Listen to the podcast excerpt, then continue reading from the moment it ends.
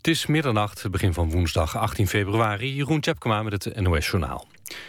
Een dodelijk ongeluk op het NS-station in Wiegen. Iemand is omgekomen toen hij voor een trein kwam. Wat er precies is gebeurd is nog niet duidelijk. De politie heeft drie mensen aangehouden. Ze zouden betrokken zijn geweest bij een ruzie... die ergens anders in Wiegen begon. De groep ging volgens de politie daarna naar het station. De politie wil niet zeggen of er bij het ongeluk opzet in het spel was... zoals op sociale media wordt gezegd. Veel mensen zouden het ongeluk hebben zien gebeuren en overstuur zijn. Door het ongeluk rijden er tussen Nijmegen en Os voorlopig geen treinen. Onderzoeksinstituut Nivel is verbaasd over de lange duur van de griepepidemie. Hoewel de winter erg zacht is, duurt de epidemie nu al elf weken. Gemiddeld duurt een griepperiode zo'n acht weken. Afgelopen week gingen er zelfs meer mensen naar de huisarts dan de week daarvoor. Het griepvirus heeft zich zo aangepast dat het griepvaccin dit jaar minder effectief is. Mensen die normaal gesproken baat hebben bij de griepprik... lopen daardoor nu alsnog grote kans het virus op te lopen.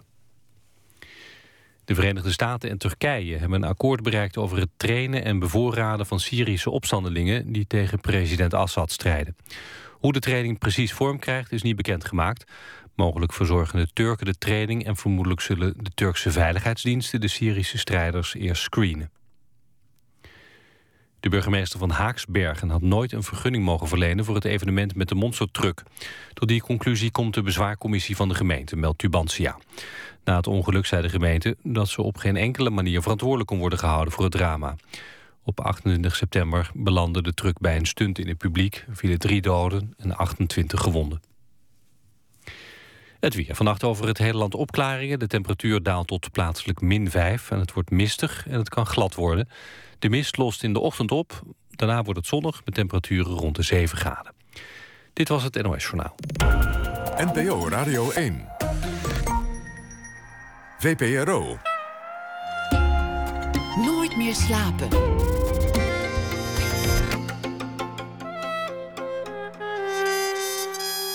Met Pieter van der Wielen.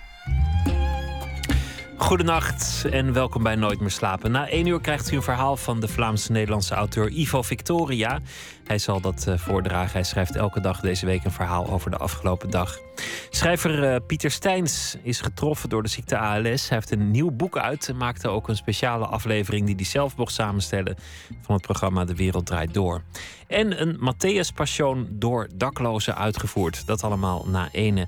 We beginnen met Petra Stine. Terug naar de Donderberg heet het boek waarin zij terugkeert naar de wijk waarin zij opgroeide.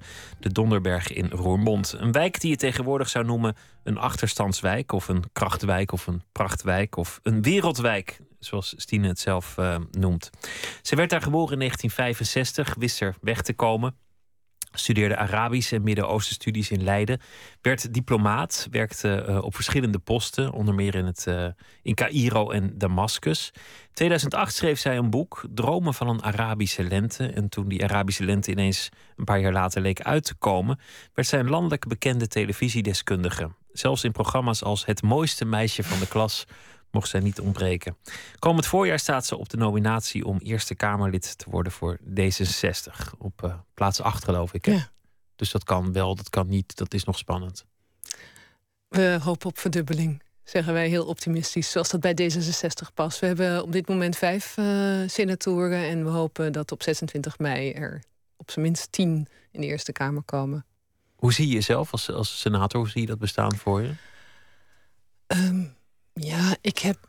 Het is, het, is een, nieuw, een, een, nieuwe carrière, het is een nieuwe stap. En uh, zoals altijd, als ik een nieuwe afslag neem, dan ben ik eigenlijk, heb ik een hele open blik. Dus ik heb er nog niet heel veel beeld bij. Behalve dat ik. Ja, ik woon in Den Haag en ik ken het politieke uh, speelveld wel een beetje. Waar ik me heel erg op verheug, is uh, in een omgeving te werken waar rust en regelmaat en rechtsstaat heel erg centraal staat. Dat vind ik wel leuk in deze hectische tijd. Ik ben altijd met sociale media bezig, met Twitter en Facebook en alles moet snel. En juist in die Eerste Kamer is reflectie een heel erg belangrijke deugd. Dus daar verheug ik me op om met afstand van dat debat en dat gekrakeel uh, tot een oordeel te komen? Nou, en er zitten natuurlijk uh, ook in, uh, op onze lijsten staan echt hele bijzondere mensen op. Annelien Bredevoort, die, Bredenoord, die nu op plek 5 staat. Dat is een medische, die doet aan medische ethiek.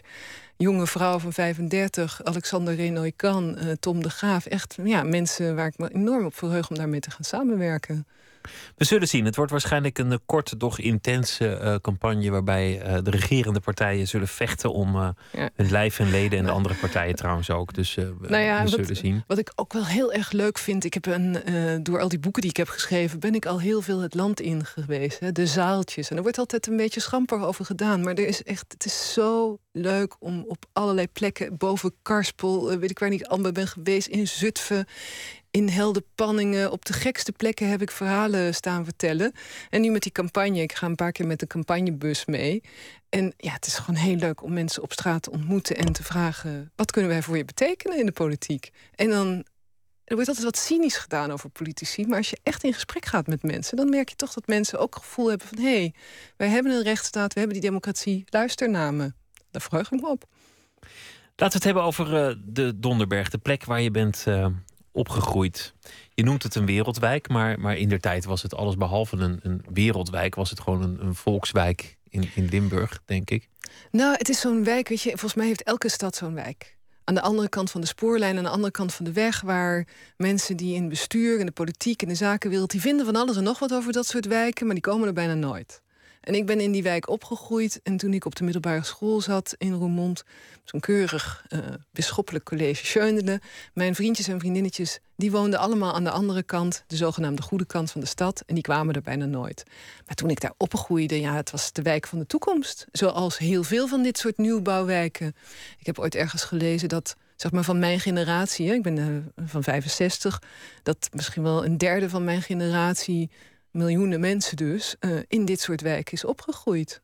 En in de tijd was dat niet per se een achterstandswijk. Nee, het was natuurlijk uh, een gevolg van de woningnood die lange tijd nijpend was geweest. En ja. veel wijken waren snel uit de grond gestampt en, en, daar gebeurde het dan. Het milieu waarin je opgroeide, of het gezin, laten, laten we het dicht bij huis houden. Hoe zou je dat omschrijven?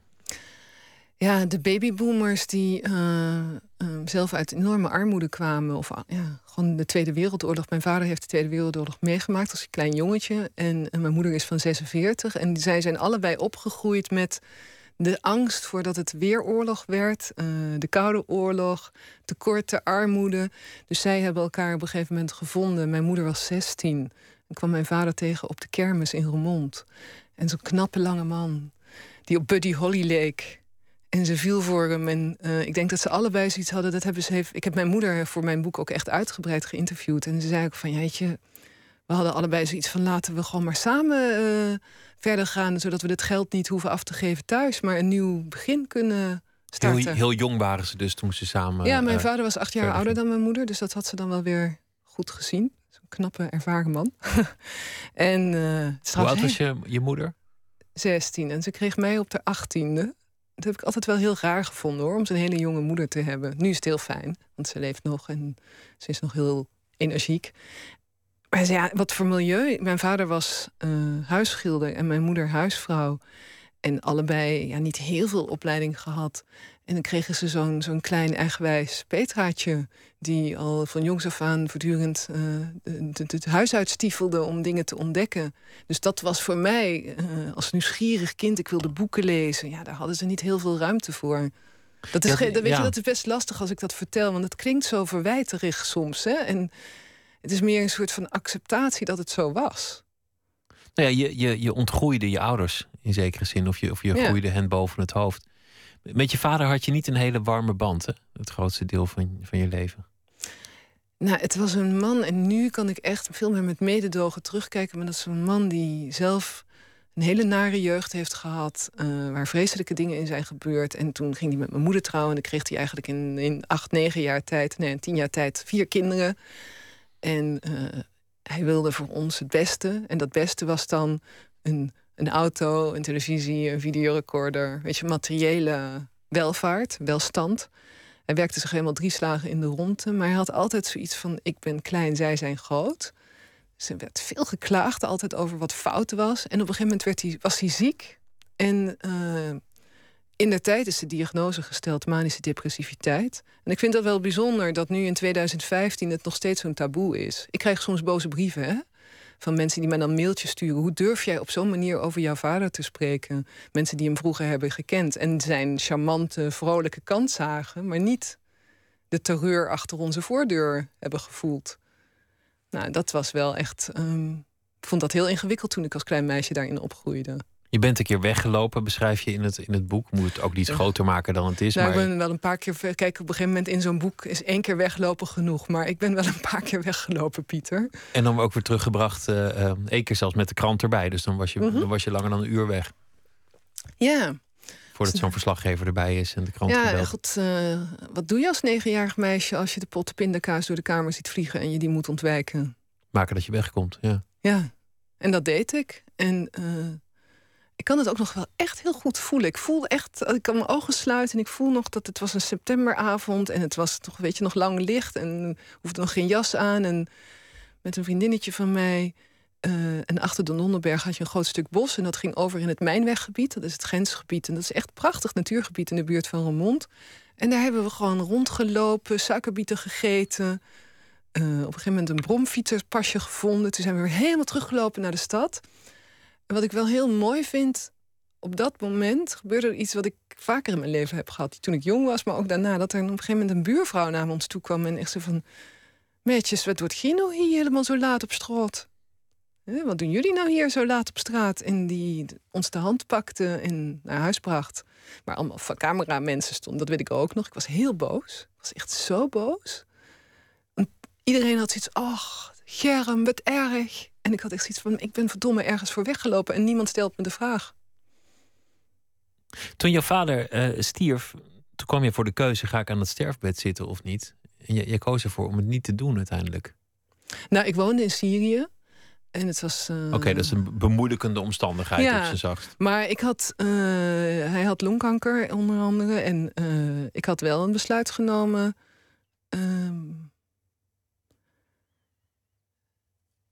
Op een gegeven moment, toen die diagnose longkanker kreeg, had ik een, een van mijn hartsvriendinnen, Veronique, die zelf ook wel het een en ander heeft meegemaakt, een sterfgeval om haar heen en met haar over gehad. Zei ze: Heb jij nog iets aan hem te vertellen? Heb je nog iets aan hem te vragen? Want dan moet je misschien toch terug. En toen zei ik: Ik heb echt zo mijn best gedaan om het goed te krijgen. En zo vaak gevraagd: Pap, realiseer je wat jouw gedrag voor ons heeft betekend? En het enige wat ik nodig had was een sorry. En dat kwam niet. Dacht ik: Ja, dan ga ik nu terug ik dacht, ik heb het al zo vaak geprobeerd. En hij had ook een hele rare destructieve macht over me. Daar ben ik gewoon aan, heb ik me aan onttrokken. En ik dacht, het is of mijn eigen levensgeluk... of hij heeft macht over mij dat hij me elke keer kan ondermijnen. En dat gunde ik hem op een gegeven moment niet meer. En toen uh, is hij uiteindelijk overleden. En toen ben ik wel teruggegaan. Ja. Om je moeder uh, te troosten, onder andere? Nee, ja, ook. Klinkt zo. Nee, niet mijn moeder. Nee, ook mijn moeder. Maar ik, maar ik had ik geloof heel erg dat je in het leven goed. Dat afscheid nemen is heel belangrijk. En ik had al afscheid van hem genomen. Uh, in, in, lang echt, daarvoor. Lang daarvoor. Maar echt hem. En ook wel eren. Weet je, ik had toch zoiets van: dit is de man die mij, op, die mij het leven heeft geschonken. En ik voelde van dit. Ja, het, het, volgens mij is het grootste taboe uh, om te zeggen dat ik ook ergens een opluchting voelde toen hij was gestorven. Dat is echt, dat mag je bijna niet hardop zeggen. Maar ik weet dat heel veel mensen dat hebben. Als iemand heel ziek is geweest of zo. Ik vond, ik kan me dat nog herinneren in dat crematorium, dat ik ook, natuurlijk, ik was verdrietig. En ik was verdrietig om de vader die ik niet heb gehad en graag had willen hebben. En tegelijkertijd was ik ook dankbaar, want ik heb een hele goede band met mijn moeder. En ik heb een hele goede band met mijn broers en met mijn zus. Dus het was ook, en mijn dochter was erbij. En en, en, vrienden en zo. En toen had ik ja, nu is het rond. Het leven is begonnen en het leven is geëindigd. Over die Donderberg zou je eigenlijk kunnen zeggen: Nou ja, je bent er weggekomen. Je bent uh, uh, opgegroeid waar je bent opgegroeid met, met de jeugd die je hebt gehad. Maar je bent naar Leiden gegaan. Je bleek een briljant student. Je bent uh, in diplomatieke dienst gekomen. Met wat omwegen ben je in het Midden-Oosten terechtgekomen. Je hebt een aantal hele interessante posten en functies gehad. Mm -hmm. Je hebt boeken geschreven, je bent een, een, een veelgevraagd televisiedeskundige. Met andere woorden, je hebt je vleugels uitgeslagen, je bent die wereld ingefladderd. Ja. Waarom teruggaan? Nou, en dat, die vraag op een gegeven moment... ik heb in de zomer meegedaan of meegewerkt met een groep jongeren... die een cultureel festival hadden georganiseerd op de Donderberg... in het kader van het Limburg Festival. En dan hadden ze iets van, nou, dan brengen we ook de cultuur... halen we ook de cultuur uit de wijk. Dus ik had toen met Dennis en Nasco en Kianus... Hè, ehm, hadden we die presentatie gedaan en het geregeld. Toen had, uh, kregen we een afscheidsetentje als dank. En uh, ik, Dennis, toen zaten we bij een wokrestaurant... waar ik ook nog nooit van mijn leven was geweest. Dat vond ik ook wel weer geestig. Van, we gaan bij een wokrestaurant eten. Ze zaten aan zo'n rond ronde tafel. En die Dennis, een jonge Nederlands-Turks jongen... die kijkt me aan en zegt hij, wat doe jij hier eigenlijk? Hij stelde me dezelfde vraag, een soortgelijke vraag die jij me stelde. Waarom kom je terug? Dus ik, ja, hij wil alleen maar weg. Hij heeft dus, ik zeg maar, ik herken mij in jouw ambities. Je hebt talent, je wil iets van je leven maken. Ik zeg maar, ik heb de reis gemaakt. Ik ben vanuit de wijk de wereld ingegaan. En ik word de hele tijd bevraagd op die wortels. Van, goh, je komt uit Limburg, je komt op de Donderberg. Dus ik was nieuwsgierig, ik wilde terug. Maar het is wel met een, een tussenpoze van 30 jaar. Maar het kwam ook vaak in, in de krant, of althans vaak juist heel incidenteel. Dan was er iets gebeurd, kwam het heel eventjes in de media... en dan, dan was die wijk weer nou ja, ver. Van, vanuit Hilversum of, of de redacties in Amsterdam. Kennelijk herkende je daar ook iets in van wat je in je eigen werk over de Arabische wereld uh, te voor je, nou voeten kreeg? Bijvoorbeeld Marcel van Dam heeft een, met, uh, heeft een boek geschreven, Niemandsland. En daar heeft Hans Heijnen, een, een Limburgs, van oorsprong Limburgse regisseur, allemaal Nederlanders. Um, die heeft daar een, documentaire over gemaakt, De Onrendabelen. En dat zag ik op een gegeven moment in 2009. En ik zag wat karakters en ik zag beelden van de Donderberg. En dacht ik. Mensen hebben vaak zoiets van: ja, jij bent zo positief, Petra. Jij brengt altijd het positieve verhaal. En dat bestrijd ik. Ik zie dat bijvoorbeeld in de onrendabele de vraag die Marcel van Dam stelt: van hoe kan het dat wij mensen in onze samenleving hebben die meer kosten dan opleveren? En die noemt hij onrendabele. En dat is een absolute vraag die je moet stellen. Maar voor mijn gevoel is dat een minderheid. En ik heb op een gegeven moment een stuk gelezen in de krant, uh, in de NRC, van ene Fred Veddes, de wet van de reisleider. En dat vind ik een fascinerend dat raakte me meteen, omdat dat ook in de Arabische wereld. Ik ga altijd op zoek naar het derde verhaal. Dus niet het positieve of het negatieve verhaal, maar het andere verhaal. Van die hele grote groep in het midden. Want wat is de wet van de reisleider? Nou, de wet van de reisleider is. Als je met een groep op reis gaat, zijn er altijd wel een paar mensen in die groep. die vinden het vanaf het begin niks. En die, als je niet uitkijkt, dan krijgen zij meteen de stempel. kunnen zij een stempel op de sfeer in de groep. Hè? Dus de, de 5% uh, zeikerts krijgen altijd te veel nou aandacht. Ja, de zeikerts is misschien... Soms hebben mensen ook wel terecht reden om te klagen. Uh, omdat het eten niet goed is of het schemerlampje het niet doet. Maar ik heb zelf als reisleidster gewerkt in Egypte. En weet je, op de schaal der dingen is een schemerlampje dat het niet doet... nou toch niet heel wereldschokkend. Maar daar kunnen mensen echt heel erg verdrietig over worden. En als je dat drie weken lang uh, laat gebeuren... dan krijg je voordat je het weet, wet van de reisleider oh, negatief gedrag krijgt aandacht. Dus wij, meelopers, gaan ook ons. Heb je voor de kortste, binnen de kortste keer heb je 25 tot 30 procent klagers in de bus. De wet van de reisleider zegt, volgens meneer Veddes... draai het nou om. Kijk nou naar de grote groep in het midden van de bus... of wherever... Uh, die heel graag mee wil, die uh, het leuk wil hebben... en wat zijn de elementen in hun gedrag waar je mee verder kan. En nou, ik heb dat ook in die wijk gezien. Je ziet heel vaak dat mensen die naar dit soort wijken kijken, die gaan op zoek naar de problemen. Je krijgt ook alleen maar geld voor problemen. Probleemreductie. Dan wordt dan Marokkanenprobleem of jongerenprobleem of overlast, criminaliteit. Maar als je kijkt naar van hoe kan je nou kansen creëren? Hoe kan je jongeren stageplekken laten vinden? Hoe kan je een bepaald soort opleidingen bieden aan jongeren die misschien de middelbare school niet hebben afgemaakt, maar op een 21ste erachter komen dat ze toch echt certificaten nodig hebben voordat ze ergens een baan krijgen? En dat vind ik een hele mooie energie. dat je. En dan in zo'n wijk, en daar herkende ik mij ook wel in toen ik een paar keer terugkwam, dacht ik, hoe kan het nou dat het negatieve die 5 tot 10 procent, dat haalt het nieuws. Maar hoe kan. De, ik, ik ben bijvoorbeeld op een gegeven moment een jonge Nederlands-Turkse politicus tegengekomen uit de wijk, Ali Bayrak. En uh, die is op zijn zeventiende uit Konya in, op de Donderberg terechtgekomen. Op zijn dertigste had hij een uh, universitaire opleiding in Eindhoven gedaan. En dan zat ik in Hilversum hier in, in, uh, in het Mediapark. En dan zei ik tegen mensen bij de NOS-journaal... ik zeg, hoe kan het nou dat jullie Ali nooit voor de camera hebben? Waarom krijgt Marcel van Dam altijd het podium met dat verhaal? Dan keken ze me, oh, wie is Ali? Dan zeg ik, nou, ga nou eens een keer kijken. En daarom heb ik het boek geschreven. De Dit andere kant eh, eh, van het verhaal. Zometeen over eh, eh, optimisme en, en eh, hoe je dat eh, eh, vormgeeft. En eh, die andere kant van het verhaal. Maar we gaan eerst naar Janne Schra luisteren. Afgelopen vrijdag te gast. Een nieuw album uit Ponzo. En een van de nummers die we daarop vonden heet Ship.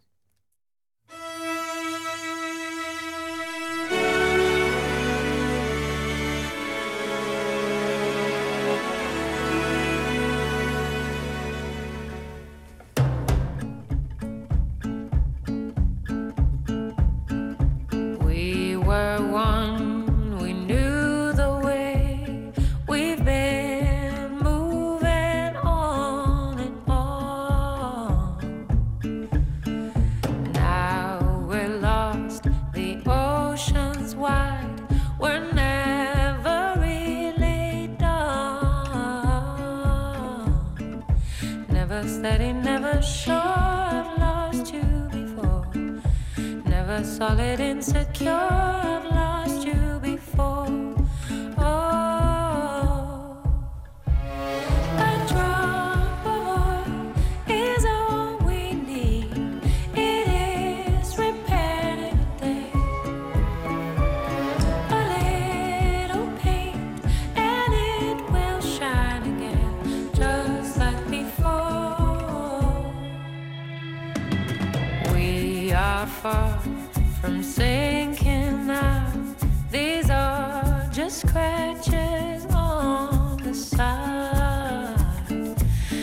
Never steady, never sure. I've lost you before.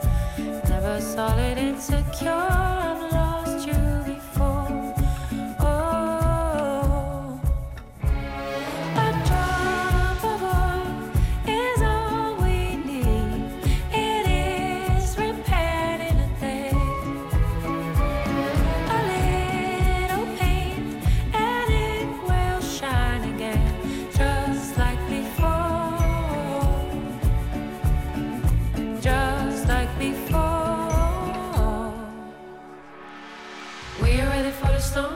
The rum and shelter. We know how to navigate. Can you see the icebergs melting? Restore the connection. It's all about affection.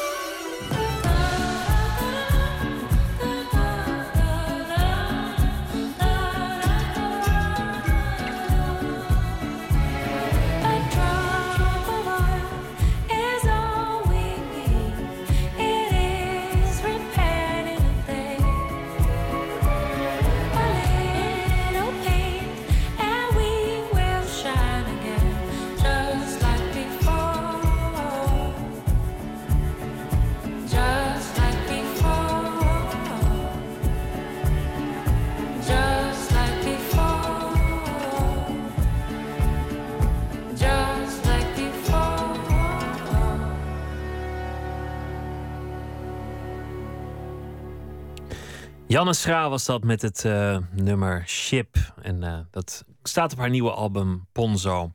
Petra Stine zit tegenover me naar aanleiding van het boek eh, Terug naar de Donderberg. Ik wil het met je hebben over een andere plek op aarde waar je veel bent geweest. Egypte, maar ook Mhm. andere landen in het Midden-Oosten. Ergens in je leven kwam het op je pad. En, en er is ook toch wel echt sprake van, van een, een liefde voor, voor Ja. dat land en voor die cultuur. Zelfs de geuren, die beschrijf je uitgebreid Ja. De gerechten, de, de, Ja. de koffie, de mensen, de gebruiken, de, Ja. de kleine Jeetje. rituelen. Het zit ook toch wel weer ook in terug naar de Donderberg. Ik merk gewoon dat het zo'n onderdeel is geworden van mijn eigen identiteit. Ik heb 30 jaar, eh, ik ben op mijn 19e Arabisch gaan studeren. En dat is 30 jaar geleden. En eh, weet je, Arabisch studeren, dat is niet zomaar een talencursus. Het is echt van rechts naar links leren kijken. Helemaal een gelaagdheid van een nieuwe cultuur, een nieuwe wereld. En Egypte en Syrië, Libanon, Jordanië zijn natuurlijk net zo goed verschillend als België, Duitsland en Frankrijk, Nederland. Maar ik weet wel dat ik de allereerste keer in Egypte kwam en dat ik dacht: wow, hier gebeurt iets. En dat al mijn zintuigen aan eh, stonden. En inmiddels heb ik ook een band. Mijn dochter is in Egypte geboren. En ik eh, ga vrijdagavond eh, op vrienden bezoeken, maar het voelt bijna op familiebezoek. En een vriendin van mij, eh, een Syrische vriendin van mij, die naar Egypte is gevlucht, die is zwanger van haar derde kind. En uh, vertelde ik aan mijn dochter Soraya. En dan zegt ze: Oh, mama, ik mis Tamara zo. Mag ik mee? dus zij heeft het nu ook. Weet je, zij heeft ook zoiets van: Ik wil mee naar Cairo. Dus we gaan samen naar Cairo. En met alle realisme van dat daar natuurlijk hele nare dingen aan de hand zijn. Ik heb op een gegeven moment in die tijd van die Arabische revolutie... zei een Egyptische vriendin van mij... Van, zei ze, ja, weet je Petra, we hebben niet alleen steun en vriendschap nodig... als het goed met ons gaat, als we staan te jubelen op het plein... maar als het straks minder gaat, waar zijn jullie dan? Maar het moeilijke is, want um, je schreef in 2008 het boek Dromen van een Arabische Lente. Een boek dat in bepaalde opzichten profetisch was, omdat voor heel veel mensen, al die dictators, een soort fact of life waren geworden. We dachten, nou ja, die, die zitten daar nog wel even. Die gaan voorlopig niet weg. In die zin was jij van een van de eerste die de onrust zag. Nou, vooral het verlangen naar anders. En vooral het verlangen van jongere vrouwen, andersdenkende mensen die niet één manier van leven voorstaan. En dat is nog steeds voor een heel groot deel de meerderheid van de bevolking. Dat is ook nu in 2015 nog steeds die, die, die, die, die alleen. Eh, toen leefden mensen voor een heel groot deel in een nachtmerrie. Er was even een moment van hoop. En ja, daar heb ik verder ook, bedoel, heel veel donkerder dan dit kan het niet worden. En zeker in Syrië. Mensen zijn van de ene nachtmerrie in de andere nachtmerrie terechtgekomen. En dat verlangen naar dat je je stem mag laten horen, dat je mag zijn wie je bent, dat is natuurlijk gebleven. Maar ik heb je heel veel gehoord en gezien op televisie tijdens die Arabische lente. En ik, ik werd altijd heel blij van je commentaren, want, want ze waren optimistisch. Ja, en, en, mensen noemen het optimistisch. Hè? En ik vind het wel interessant, omdat optimisme wordt heel vaak gelijkgeschakeld en naïef. En dat betwist ik echt een zeerste. Ik las uh, toevallig dit weekend uh, via een verwijzing van de correspondent... heel mooi van dat uh, kritisch zonder hoop is cynisch... en hoop zonder kritisch is naïef. Maar ik ben altijd, vanaf het begin... Bij die revoluties heb ik ook altijd de kanttekening gemaakt. Dit is nu de, zijn de wittebroodsweken. En daarna, net als met een verliefdheid, als je gaat samenwonen, dan moet iemand de vuilniszakken buiten zetten. En er is heel veel shit in de Arabische wereld. Er ligt heel veel vuilnis onder die ingestorte kaartenhuizen. Maar die verliefdheid is wel redelijk over, lijkt me. Uh, nou ja, voor die mensen in de Arabische wereld zeker. Ik zag vanavond uh, bij Nieuwsuur een Libiër die uh, vier jaar geleden werd geïnterviewd en toen die hoop had. En ook kritisch was van gaat dit wel goed? En nu ja, is die. Is, is, is, de desillusie is duidelijk. En tegelijkertijd, wat gaan we nou zeggen tegen 360 miljoen mensen? Zoek het maar uit. Het wordt nooit meer wat met jullie. Nou, ik ben, ik ben benieuwd waar het, um, waar het mis is gegaan in de analyse. Wat, wat, heb, wat heb je toen niet gezien, wat er nu wel is? Want je klonk uh, toen toch veel optimistischer dan nu. Um, ja, het grappige is, weet je, mensen die uh, altijd vast blijven houden aan één standpunt, uh, het heet ook voortschrijdend inzicht. Hè? Op dat moment was de analyse van hoe kan het dat deze mensen op het plein staan? En toen was de analyse terugkijkend van ja, 60 jaar dictatuur, onderdrukking, mensenrechten schendingen. Bij de vleet hebben we nooit naar gekeken. Mensen hebben het gehad met de dictator. Nu is de vraag, hoe kan het dat mensen de dictator weer steunen? Dus ik vind eh, de analyse van vier jaar geleden nu op 2015 dat, is, dat zou absurd zijn. Dus als je mij nu vraagt wat is er nu aan de hand, dan zie je dat uh, ja, de reflex van mensen toch is van laten we dan maar voor een Sisi kiezen die voor uh, stabiliteit kan zorgen. En ik denk dat op de langere termijn dat een nieuw kaartenhuis is. Dus mijn analyse van goh, mensen ook in Egypte willen goed onderwijs, goede gezondheidszorg, een baan en veiligheid op straat. Dat is wel zo'n beetje wat mensen het liefste willen. En nu hebben ze het gevoel van dat kan Sisi voor ons regelen. Maar dat regelt hij niet. En je ziet toch ook weer, nu ze hebben uh, in het voorjaar komen de verkiezingen in Egypte. En dan zie je dat de kliek van Mubarak weer aan de macht komt. En dat zijn golfbewegingen. Er werd toen wel gezegd, uh, Petra Stine die praat alleen met haar kennissen in, uh, in Egypte. En dat zijn hoogopgeleide verwesterde, vrijgevochten mensen, dat is maar een deel van het verhaal. Ja. Is dat zo? Herken je daar iets in? Want, want het lijkt mij zo ingewikkeld om, om, om alles te weten te komen in een land dat niet zo Ja. eh, georganiseerd is. Als ik ben hier. zelf altijd, ik heb altijd de keuze gemaakt eh, om, en dat doe ik nog steeds, want ik ben nog steeds eh, met allerlei projecten en organisaties bezig in de Arabische wereld. Ik ben altijd, heb altijd gekeken naar waar zit de veranderingsdrang en waar zit de veranderingskracht. En ehm, ja, eh, die zag ik ook in dorpjes. eh, in het zuiden van Egypte bij boeren en vissers die zich organiseerden in allerlei soort van vakbondachtige organisaties. Ze zeiden nu kunnen wij eindelijk onze stem laten horen. Dus ik heb dat verlangen van hé, hey, wij willen als burgers gezien worden die serieus genomen worden en niet als een onderdaan van een of andere dictator. Dat zag ik echt overal. Ehm, nu zie je gewoon wel dat de mensen die toen op dat plein stonden, ik denk dat zij de vergissing hebben gemaakt dat ze niet goed hebben gezien dat instituties heel erg, eh, ja, dat, er hele, dat die gevestigde orde heel veel belangen heeft. En dat als je dingen wil veranderen, dat je ook iets met die gevestigde orde wil. Dus de kracht van het individu, hè, de power of one. Wat Time op de voor. Ik heb me ook altijd wel een goed gezelschap bevonden. Hè, dat Time, eh, die individual als eh, persoon van het jaar, eh, you. Weet je dat nog? Dat, Ja, eh, ja, Maar, maar het is ook een verleidelijke waarheid natuurlijk. Sommige Ja. waarheden zijn leuker om in te geloven. Ja, en weet je, het is ook een keuze. Ehm, een vriend van mij die bij, eh, bij Pax werkt, eh, Jan-Jaap van Oosterzee, die zegt altijd: Kijk, cynici die hebben altijd gelijk. En als ze geen gelijk hebben, dan belt niemand ze op en zegt: Nou, nou, eh, dat heb je toch helemaal verkeerd gezien. Want meestal als cynici geen gelijk hebben, dan is het beter gegaan. En iemand die op een optimistische manier naar de wereld kijkt, die zal het vaker mis hebben. Eén ding is wel de blinde vlek in, in alle analyses. Dat, dat gaat niet, niet over jouw analyses, maar in, in het algemeen geweest van al die analyses. Namelijk de ideologie. Namelijk in het Westen dachten wij, die mensen willen hetzelfde als wat wij willen. Ze willen gewoon een goede baan, ze willen gewoon eh, vrijheid, ze willen gewoon eh, nou ja, lekker uitgaan, lekker op vakantie, noem maar op. Eigenlijk heel westers gedacht. Ja, dat heb ik nooit zo gezien hoor. Helemaal niet. Maar Nee, Time, dat stuk in Time waar je aan refereert, dat, Ja, dat was ja, heel westers ja, gedacht. En dat rekende zich helemaal buiten geloof, ideologie, politieke varianten op geloof. Nou, ik heb zelf altijd. Ik, het is natuurlijk een invalshoek. Er zijn mensen hè, die Arabisch Midden-Oosten-studies hebben gestudeerd, die islam als invalshoek eh, kijken. Ik heb altijd burgerschap als invalshoek genomen. Van hoe kunnen mensen tot volwaardige burgers eh, ontwikkelen? En dan is de vraag van God, mag religie, de beleving van religie zijn zoals mensen dat willen? Eh, en dat was onder Mubarak niet zo. Maar Mubarak heeft wel altijd de islamitische kaart gebruikt om een soort van legitimiteit te gebruik, eh, krijgen. Dus de enige ruimte voor debat, of daar niet debat, maar voor een soort van ontmoeting, was in de moskee. Dat was al onder Mubarak. Dat was een soort van islamisering van de rechtspraak en van de politiek. Eh, je zag Bashar al-Assad op een gegeven moment ook elke vrijdag in de moskee rondhangen. Terwijl wij nog altijd denken dat hij heel seculier is. Saddam Hussein, ook een van de grote seculiere leiders, die heeft zich op een gegeven moment ook eh, steeds meer islamistisch of islamitisch eh, gepositioneerd. Maar het gaat Weet je- uiteindelijk allemaal over macht natuurlijk. Nou ja, ik vind het ook.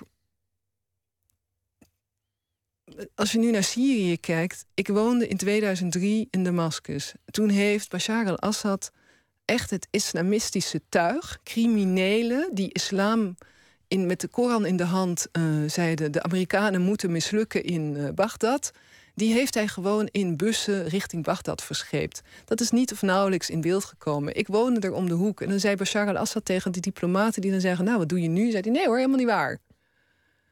We zagen de bussen gewoon vol met eh, potentiële jihadisten... die dus Amerikaanse troepen, Iraakse burgers hebben opgeblazen. Toen is het al begonnen. Dus dat hele verhaal van wat we nu zien... dat er die Islamit, Islamic State... nou, mensen in de Arabische wereld noemen het Daesh... een soort van denigerende term van... het heeft niets met islam te maken. Nou, ik denk dat het wel degelijk met een hele morbide... nare interpretatie van de islam te maken heeft ja, mensen hebben zoiets van, oh, dat is zomaar opgekomen. Maar er zit echt een geschiedenis van, van, van onbehagen, van eh, woestheid over, boosheid over dat Assad-regime. Er zijn tienduizenden mensen in gevangenissen vermoord, verdwenen. Op, dus ja, het, ik, zie, ik, ik geef heel vaak lezingen over de Arabische wereld. En laat ik heel vaak een soort van spaghetti-soep van wie haat wie en wie eh, vindt wie je aardig. En dan zeg ik, oké, En dan gaan we van, willen jullie van mij dat ik nu in 45 minuten uitleg leg, hoe zit het in het Midden-Oosten, mevrouw Stine? En dan zeg ik, oké, ik kan er hier drie of vier draadjes uithalen. De verhouding van Saoedi-Arabië met Syrië en Amerika. De vijand van mijn vijand is dat Het is ook mijn een- vijand. Het is ook een vreselijk onderwerp. Reken daarbij de emotie. Want, want eh, je mengen. We hebben het een aantal keer in dit programma recent over de islam gehad. En het is toch altijd een beetje alsof je in een rode mierenhoop gaat zitten. Want. Iedereen wordt meteen emotioneel bij het, onderwerp. Als je een verjaardag wil vergallen, begin over de islam. Van alle kanten zal het ongezellig worden. Ja, nou ja, en die islam. eh, er zijn. eh, weet je wat ik ook interessant vind? In, in, dat merkte ik ook in mijn onderzoek voor dat boek Terug naar de Donderberg. Ehm, en daar heb ik ook wel een hoofdstuk over katholieken en moslims. En dan merk je dat in de provincie waar ik zelf ben opgegroeid, mensen echt geleden hebben onder de nare invloed van de kerk. En op het moment dat wij beginnen te seculariseren, hè, dat we het geloof en de kerk loslaten, komt er in één keer een nieuwe groep mensen in onze samenleving die vaak niet zo hoog opgeleid zijn. De eerste generatie gastarbeiders, die namen een religie mee die we eerst niet zagen, want dat was allemaal in, nou, in, in schoolgebouwtjes en fietsenschuurtjes en weet ik veel wat allemaal. En op een gegeven moment bleken ze dat ze bleven en toen kwamen in één keer moskeeën in ons landschap. Ja, en dat begrijp ik best wel dat mensen dat ingewikkeld vinden. In, in mijn boek heb ik een verhaal over een eh, moskee in Helden, de As-Salam moskee. En daar heb ik ongelooflijk veel van geleerd om daar mee in contact te komen. En met Mustafa en Nadia, die in eh, Helden, mooi ook hè, literair, de mensen in Helden waren echte helden. In 2004, na de moord op Theo van Gogh, is daar een gebedsruimte in brand gestoken. Men weet nog steeds niet door wie. En daar, en dat probeer ik dan te doen, Pieter, dat ik dan is het optimisme of is het op zoek naar het andere verhaal? Maar waar haal je kracht uit? Dan zie je dat daar in die gemeenschap mensen van Marokkaanse afkomst samen met de, zeg maar, de, in de islamitische nieuwgedienden, met eh, de, nieuw, de islamitische nieuwkomers met de katholieken of dorps oudgedienden samen iets hebben neergezet waar het hele dorp trots op is. En bij de opening in 2008 stond Ahmed Abu Talib daar eh, een verhaal te houden over saamhorigheid. En wij kunnen dit aan als land. En ik moest denken aan mijn vriendinnetje Monique. Die toen ik de heilige communie moest doen, achter in de klas moest zitten of achter in de kerk moest zitten. Want zij was niet katholiek en mocht niet meedoen. Ik wil, ik wil een stuk voorlezen uit het, eh, uit het boek. Nou, om, om, eh, Daar heeft omdat nog ik het- niemand voor mij uit mijn boek voorgelezen. Omdat, omdat ik het, ik ga niet het hele boek voorlezen, hoor, maar omdat ik het interessant vind. Het gaat over een. on- je hebt heel veel ontmoetingen opgeschreven in die wijk. En dit gaat over een taxichauffeur. Mm. Die, die zegt dat hij eh, bang is voor de islam. Ja. Waarom ben je zo bang voor de islam? Vraag ik. Heb je iets vervelends meegemaakt? De jonge chauffeur begint wat te stotteren over wat je allemaal op televisie ziet. Ik kijk hem aan en vertel. Weet je dat een moslim het leven van mijn dochter heeft gered? Nu heb ik zijn aandacht pas echt. Hij heette dokter Mohammed en was de kinderarts bij de bevalling van mijn dochter in een ziekenhuis in Egypte. Hij was echt heel goed toen het mis dreigde te gaan. Even is de taxichauffeur stil. De reden waarom me dit eh, opviel, is omdat het eigenlijk heel, heel gekke manier van discussiëren is. En zo gaat het heel vaak. Dat als mensen discussiëren over de islam. Ja, wat vind je er gek aan? Nou, ja, natuurlijk heeft die dokter. eh, ik bedoel, natuurlijk heb je in Egypte goede dokters. En natuurlijk zijn er ook moslims die hele goede dokters zijn. En natuurlijk heb je Ja. dierbare herinneringen. Maar het staat helemaal los van de discussie over, over de islam of niet. Nou ja, voor mij is de invalshoek. ehm, kijken we naar een persoon op basis van zijn religie? Hè, noemen we iemand. eh, ja, noem, ben jij alleen maar man? Ben Ja. ik alleen maar vrouw? Of zit er nog een gelaagdheid in? En dat in die discussie, wat ik dan. Ik, ik probeer dan in zo'n gesprek de menselijkheid van die ander te laten zien. En de combinatie dokter Mohammed kinderarts. Nou, deze man had echt die, die woorden nog nooit achter elkaar gehoord. Voor hem was Mohammed altijd gelijk een terrorist. En ik vind het mooi om taal te gebruiken om mensen op een andere manier te laten kijken. Maar je zou toch kunnen zeggen dat generaliserend gesproken. de discussie niet is of, of moslims goede dokters zijn of niet. Waar, is de discussie, waar gaat de discussie dan over?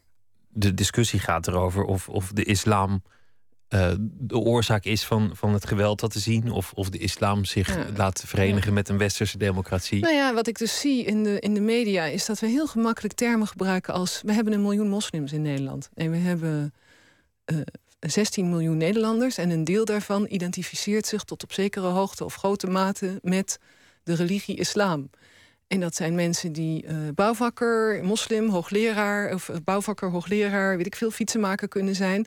En ik, ja, ik, ik ben een grote fan van Amin Malouf. Uh, dat is een Libanees-Franse auteur. Die heeft al in 1996 een boek geschreven over moorddadige identiteiten. En hij zegt, ik heb hem vorig jaar ook mogen interviewen bij uh, het literaire festival Winternacht in Den Haag. En dan zei hij ook van als wij mensen op één onderdeel van hun identiteit vastpinnen, of dat nou hun huidskleur is, of een religie, of een afkomst, of hun geslacht, dan moet je niet raar gaan opkijken als mensen zich daar ook heel erg op laten voorstaan. En ja, ik vind vandaag. Maar je mag, er wel, je mag er wel over praten, toch? Je, je, kunt het toch, je kunt het toch hebben over iemands ideologie. Je kunt het toch hebben, los van... ik vind je een aardige man, ik vind je een uitstekende uh, arts. Ja.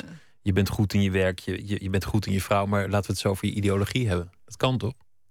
Ja, ik vind als mensen zich uh, um, willen uitspreken over... van het is niet in mijn naam, hè, zoals Mustafa Hilali uh, een paar weken geleden begonnen is... niet mijn islam, helemaal prima. Maar ik vind het heel gek om mensen bijna te dwingen om ergens afstand van nemen, omdat ze toevallig ook moslim zijn. Maar het is, het is ook, um, dat vond ik ook het ongemak met, met Marcel van Dam. Er heeft ook een, een ongemak om te zeggen van nou, ik ken een moslim en dat is een hele goede dokter, of ik ken een moslim die kan heel goed tekenen. Dat is, dat is bijna goed bedoeld denigerend. Ja. Ja, in, in zo'n gesprek heb ik uh, zoiets van: ik heb een andere ervaring. Dus ik deel een andere ervaring. En, um... Het is ook een gesprek met een taxichauffeur. En, nee, en nee, ja, goed. Ik, ik, ik ook in, de, in Nederland. Vandaag zag ik uh, op, in het AD uh, over de demonstratie gisteren. Hè, er is een Nederlands-Pakistaanse vrouw vermoord, Jasmin in Rotterdam. En een paar van mijn vriendinnen, onder andere Shirin Moussa en uh, Naida Aurangzeb, hebben zich daar enorm voor ingezet. En die worden dan als Pakistaanse vrouwen neergezet. Dat zijn Nederlandse burgers. Dus ik blijf heel erg hameren op hey, wacht eens even, waarom staat er dan 200 Pakistanen demonstreren? 200 moslims demonstreren? En misschien zitten we dan langs elkaar heen te praten. Ja, ik vind dat je altijd moet praten over wat gebruiken mensen om anderen de weg af te snijden, uh, te domineren. En als mensen religie, of dat nou islam, jodendom, christendom, whatever, is om mensen in een hoek te zetten, dan, dan hebben we een gesprek. Maar om over Nederlanders steeds dan een hokje te stoppen ja, er stond uh, afgelopen weekend Bert Wachtendorp, uh, ja, Wachtendorp heet toch, van de Volkskrant. Die had een heel verhaal over Limburgse politici die allemaal corrupt waren. Toen kreeg ik ook bijna een soort gevoel van, goh, ik krijg bijna de neiging om mij als Limburgse politicus te gaan profileren van niet in mijn naam hoor. Oh, je bedoelt Wagendorp? Ja, Wagendorp. Wagendorp ja, ja. bedoel je? Ja. ja. Eh, ja ik, de manier waarop ik dit gesprek wil voeren is van oké, stellen we wel de goede vraag. Wij wonen allemaal hier in Nederland. En wat doe jij voor Nederland? En uh, ja, als ik in zo'n gesprek met zijn taxichauffeur, als hij die dan uit een dorp komt waar echt geen moslim, geen, geen Marokkaan, ja, niet, waar men, hij kwam uit Kessel en Kessel is zo'n dorp in, en daar heb je er veel van in, in, Limburg, want in Limburg zijn heel veel mensen die op de PVV stemmen en echt vrijheid, blijheid. Hè? Iedereen moet lekker stemmen op waar ze willen als ze maar gaan stemmen. Maar het is wel interessant dat er in dorpen waar echt. Um... Nou, dat vind je helemaal niet, toch? Nou ja, dat vind ik wel. Ja, maar je mag toch ook zeggen van nou, ik vind niet dat je daarop moet stemmen, want volgens mij vind je dat niet. Nee, ik vind dat iedereen moet gaan stemmen. En ik hoop natuurlijk dat mensen op andere partijen stemmen dan een partij die mensen wil uitsluiten. Maar we leven wel in een land waar dat kan. Godzijdank, zeg ik dan. Oh, op die manier. Ja, nee, ik snap het. Ja. Het zou wat, ik zou het heel raar vinden als ik zou zeggen: jij mag niet op de PVV stemmen. Oh, je kan zeggen: ik heb het liever niet, want jij bent nee, van ik D66. Heb liever, ik heb liever dat uh, iedereen op D66 natuurlijk gaat stemmen. Maar ik vind in een land waar je stemrecht hebt, actief of passief, Ga alsjeblieft stemmen. Doe niet zo cynisch over de politiek. Gebruik die stem. Ik denk dat we. Ehm, dat ik begrijp wat je bedoelt. We gaan, we gaan luisteren naar Anna King. want die uh, zat vroeger bij uh, James Brown, een van de original funky divas. If Somebody Told You.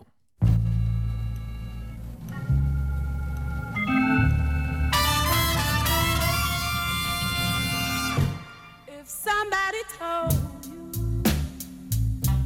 that they didn't love you, and later they told you. They think the whole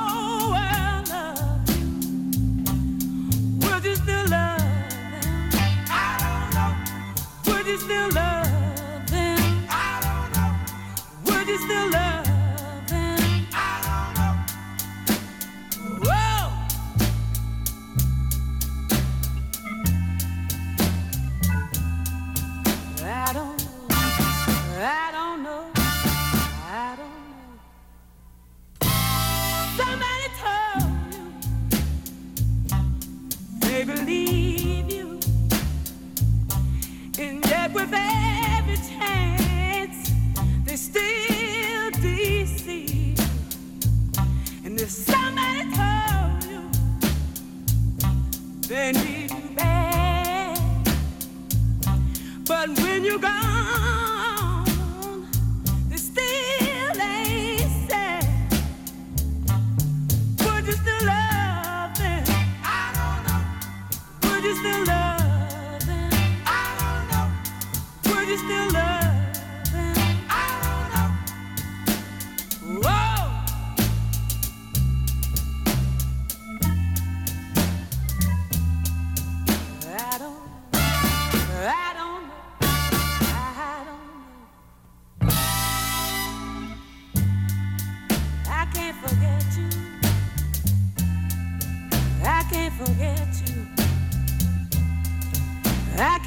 forget you.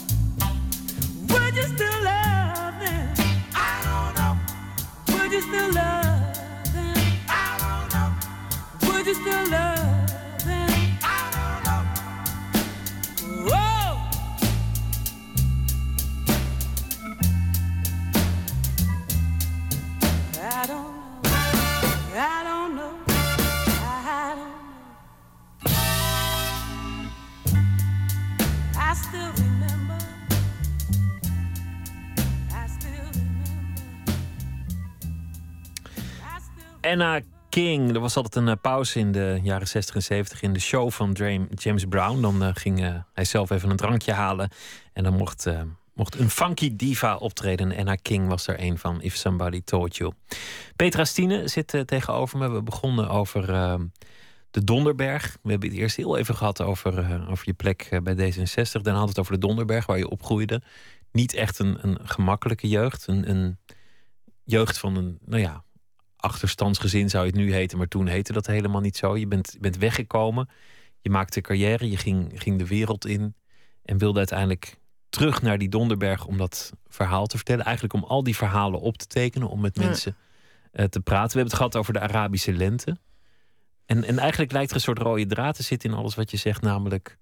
ehm, nou ja, ik, ik probeer het eigenlijk nog te begrijpen wat, wat de rode draad is, maar het zou, je zou het kunnen opvatten als een pleidooi voor thee drinken. Dat is bijna een scheldwoord geworden in de Nederlandse politiek, maar volgens mij is dat Nou, mijn, uiteindelijk waar het op neer- neerkomt. mijn pleidooi is van eh durf eens over die eigen grens heen te kijken en durf eens naar die ander te kijken. En eh, we hebben heel, het is makkelijk, hè? Zwart-wit. Assad versus ISIS. Probleemjongeren versus, weet ik veel, gymnasiumjongeren. Wordt altijd een soort van zwart-wit tegenstelling. En mijn rode draad is, er zit volgens mij heel veel kracht om naar dat derde verhaal te gaan kijken. Van hoe doen mensen in een wijk van bijna 8000 eh, inwoners, waar een klein percentage echt voor ongelooflijk veel gedoe zorgt. Eh, maar hoe kan het nou dat in dezelfde omstandigheden er een heleboel jongeren zijn en mensen die wel heel prima in die wijk wonen. En wat hebben die dan? En dan blijkt, vroeger heette dat geloof ik sociaal kapitaal. Ik ben geen socioloog, maar dan blijkt dat zij mensen om zich heen hebben. Buren, ouders van vriendjes, een leraar, een stagebegeleider. Dat er allerlei dingen om hen heen gebeuren die hen net dat duwtje geeft als ze ambitie hebben om eh, die stap verder te zetten. En dat is echt niet alleen maar voor gymnasiumleerlingen. Je ziet het ook bij jongeren die ehm, eh, in logistieke banen terechtkomen of die in het grote outletcenter in Roermond gaan werken. Dus mijn rode draad is de kracht van het andere verhaal. Daar zit zoveel meer dynamiek in dan die ja, bijna zwart-wit tegenstelling. Past ook bij een diplomaat, hè, eigenlijk. Ja, dat klopt. Ja, dat, eh, en ik heb het zelf in mijn nieuwe boek heb ik het de veerman genoemd. Of de veervrouw. En ehm, dat is een, in, in, in Roermond heb je een beschermheilige, Sint Christoffel. En die is ook een soort veerman. En ik vind, ik, kan daar, ik krijg heel veel energie van het bewegen tussen twee werelden. Van de ene oever naar de andere. Van Den Haag naar de Donderberg. Ehm, Want dat zijn, dat zijn al twee werelden. Het, het Ja, Limburg het zijn- waar jij vandaan komt en het Den Haag waar je carrière maakt. Nou, voor Den Haag is, eh, voor heel veel mensen in Den Haag is alles buiten de randstad wel ver weg, eh, Pieter. Dus ja, dat zijn wel twee werelden. Het zijn een- vele werelden. Het is ook echt een andere taal, Ja, hè, wat jullie thuis spraken. Dat, dat zou niet Ja. iedereen zomaar kunnen verstaan. Nee, ik bedoel, eh plat Limburgskallen, dat, is, dat vult wel als mijn moedertaal. Ja. Hier verstond ik al bijna niks van. Ja, gewoon het dialect spreken. Dus ik heb pas, ik denk dat ik tot mijn zes, vijfde, zesde heb ik bijna alleen maar Limburgs gesproken.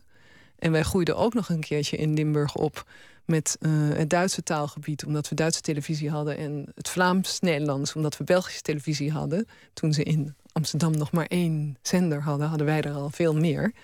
Dus ja, die, die grenzen overschrijden. Eh, en ik, heb nog, ik kan me nog herinneren dat als we naar Duitsland gingen om te winkelen, dat je echt eh, je paspoort moest meenemen. En dat was vijf minuten rijden bij ons vandaan. Dat is natuurlijk ook in die zin een heel internationaal gebied, omdat je, dat je zo in België bent en Ja. zo, zo in Duitsland. Ja, en de, de- Theo Bovens, eh, de eh, gouverneur heet dat dan van Limburg, die zegt, die zegt altijd, die is dan eh stolz, heet dat in Zuid-Limburg, trots. Dat de meest internationale provincie is Limburg, want het heeft de meeste grenzen. En iedereen in Limburg heeft wel buitenlands bloed in zijn DNA. Nou, dat is wel grappig om hem dan helemaal daar zo trots op te zien. Ik vind Limburg ook af en toe nog wel een beetje in zichzelf gekeerd hoor. Verbindingen leggen tussen werelden. eh, en niet zo graag de harde confrontatie of, of de zwart-wit mening, maar meer zien waar de, de bruggen te bouwen zijn. Ja. En toch ging je, ging je volgens mij uiteindelijk ook langzaam dood in diplomatieke dienst. Het was, het was toch niet jouw wereld. Eh, nou, ik had wel het gevoel van dat ik een deel van wie ik zelf ben thuis moest laten. Ehm, en ja, het is misschien wel de parallel van ehm, in een huis opgroeien met een vader. Weet je, mensen hebben. Ik, heb, ben, ik geloof heel erg in loyaliteit. En ik heb ook echt een heel, nog steeds een familiegevoel als ik aan de diplomatieke dienst. eh, ik heb nog steeds heel veel vrienden die daar eh, werken. En ik heb daar veel contact mee, ook als ik eens reis. Maar op een gegeven moment moest ik mijn vleugels uitslaan. Toen wilde ik verder. Maar het is natuurlijk een wereld die ook formeel is. Je bent ambtenaar, je moet andermans verhaal Ja, verkondigen, namelijk het verhaal van jouw regering. Ja. Eh, het is hiërarchisch. Je moet op een bepaalde plek gaan zitten. Je moet je aan etiketten houden. De etiketten van je eigen ambassade, maar ook die van het gastland. Daar moet je aan houden. Je moet op allerlei manieren moet je passen in een bepaald format dat iemand voor jou bedacht heeft. Eigenlijk niet iets wat bij jou past. nou, ik heb me de 17 jaar, eh, misschien 16 jaar, eigenlijk voor een heel groot deel heel op mijn gemak gevoeld. En ik voelde, het is grappig dat je dat zegt, want ik voel me nu, toen ik naar, de, naar Donderberg ging, ook heel vaak een diplomaat. Maar voor mij is een diplomaat iemand die in staat is om een tussenruimte te vinden als er een conflict is of als er, als er twee partijen tegenover elkaar staan. Ehm, ik, ik vind diplomaten ook, mensen hebben het dan over bruggen bouwen. En dat vind ik veel te stijf, weet je wel. Dan, voordat je het weet, word je de brug waar iedereen overheen loopt. En je maakte net even de opmerking over thee drinken. En dat heeft natuurlijk een enorme negatieve lading voor heel veel mensen gekregen. Maar echt ja, koffie drinken, het gesprek aangaan, nog een keertje terugkomen en mensen vragen stellen van hoe is het voor jou en wat kun jij betekenen? Of je dat nou op wijkniveau doet of op wereldniveau. Voor mij is in essentie. Nee, maar Angela Merkel spreekt heel goed Russisch. Het helpt wel. Ja, je moet in gesprek blijven natuurlijk. Want, want elkaar boos aankijken, daar, dat- Ja. dat, dat gaat niks oplossen. Nou, maar, Meer diplomatie in het debat, vind ik, ben ik wel een groot voorstander van. maar voor jou persoonlijk in die diplomatieke dienst... klopt het dat ze af en toe een beetje van je schrokken? De Met wie heb je gebeld, eh, Pieter? Vertel nou, eens. nou, ik heb, ik heb mensen gesproken en, en die zeiden... nou, het was af en toe wel schrikken met Petra... omdat ze jong was, gedreven was... omdat ze, omdat ze Ja. hard vooruit ging. En, en dat, ja, dat bij diplomatieke dienst is... nou, de eerste 15 jaar hou je je mond dicht... en dan, eh, dan na 30 Nou, jaar mag je een eh, keer wat zeggen. Het is, ja, het is wel leuk hoor. Dus ze hebben nu een eh, groot programma binnen diplomatieke dienst in Nederland, modernisering van diplomatie. En Arthur Dokter van Leeuwen heeft daar een rapport over geschreven. En ik ben ook door hem geïnterviewd als oud-diplomaat. En ik vroeg aan hem van, goh, waar zit nou de veranderingskracht? Hè? Want iedereen is het erover eens. Het moet echt anders. Die diplomatieke dienst is voor heel Nederland, niet alleen maar voor buitenlandse zaken. In feite vertegenwoordig je de hele Nederlandse regering. Een goede, een goede buitendienst. Hè? Wientjes zei dat altijd. Nederland heeft een goede buitendienst nodig. Nou, voor mij was hij net een tikkeltje te veel economisch gericht. Maar goed, ieder zijn eigen ding. Dus Art, ik vroeg aan Arthur Dokters van Leeuwen... van waar zit nou volgens u de veranderingskracht in, dat, in die dienst? En die zeiden ja, bij de jongeren, bij de vrouwen... en bij de ondernemingsraad. Ik zeg, god klinkt wel als de Arabische wereld. Ja, heel jong. Precies de groepen die eh, nou, de gevestigde orde ter discussie stellen en zeggen wij willen het anders doen. En er is, wel heel, er is wel heel veel veranderd. Ik zie nu bijvoorbeeld in de Arabische wereld, zit geloof ik op vijf of zes posten echt jonge veertigers, vrouwen die ambassadeur zijn. Dus langzaam maar zeker. En ik moest wel lachen, laatst was ik op een Maar het is dan receptie. bijvoorbeeld, dan zeggen ze... de ambassades moeten allemaal twitteren... en vervolgens doet een, een ambassadeur dat een keer... en dan is het meteen een rel. Ja, maar ik, weet je, ik vind dat ook wel een heel klein beetje clichématig naar zo'n diplomatieke dienst kijken. Ik bedoel, als ik kijk naar een vriendin van mij die ambassadeur in Bagdad is, hoe zij eh, eh, in Noord-Irak toch nog probeert om eh, Nederlandse bedrijven daar eh, aan, aan, aan het werk, nou, in contact te brengen. Hoe zij in Bagdad echt met gevaar voor eigen leven Nederland vertegenwoordigt. Hoe mensen in, in ja, echt moeilijke omstandigheden, hoe de ambassadeur, onze ambassadeur in Panama, de ouders van die twee meisjes heeft bijgestaan. Je, er wordt ook wel. Het is zo lekker Nederlands om, om, om ergens tegen aan te schoppen. Dan denk ik, ga nou eens een keertje goed kijken. En ik vind dat buitenlandse zaken. En eh Timmermans gaat- is daarmee begonnen. Je moet het verhaal ook laten zien. Daarom heb ik toen ook dat boek ge- ges- geschreven. Van laat nou aan mensen zien wat je doet. Maar echt, eh, heel veel mensen hebben heel veel kritiek op de diplomatieke dienst. Maar als ze dan voor een zakenreis of voor een consulaire geval... of als hun moeder ziek wordt of hun dochter kwijt is... dan eh, willen ze in één keer vijf sterren dienstverlening. Maar het, het gaat mij niet om de diplomatieke dienst... want het staat buiten kijf dat dat een, een nuttige organisatie is. Het gaat mij om jouzelf. Of jij daarin eh, gepast Ja, staat. En maar- of, of jij eigenlijk niet af en toe... voor dat soort kringen te snel, te ambitieus, te gedreven en te eigenwijs was. Ja, en wat zou dan de conclusie zijn als dat zo zou zijn? Nou ja, dat het, eh, dat het goed is dat je een andere kant op bent gegaan. Nou ja, ik geloof dus heel erg dat als je. eh, dat je je eigen leven in de hand hebt. En je hebt zelf de keuzes te maken. Het is een keuze van. Ik ben iemand die dan vooruit wil. En ik hou er niet van om mij in een soort van slachtofferpositie te laten positioneren. Dat je, want voordat je het weet, word je verbitterd. En zeg je, nou, ik pas hier net niet. Kijk, ik heb me nooit laten verleiden tot de gouden kooi.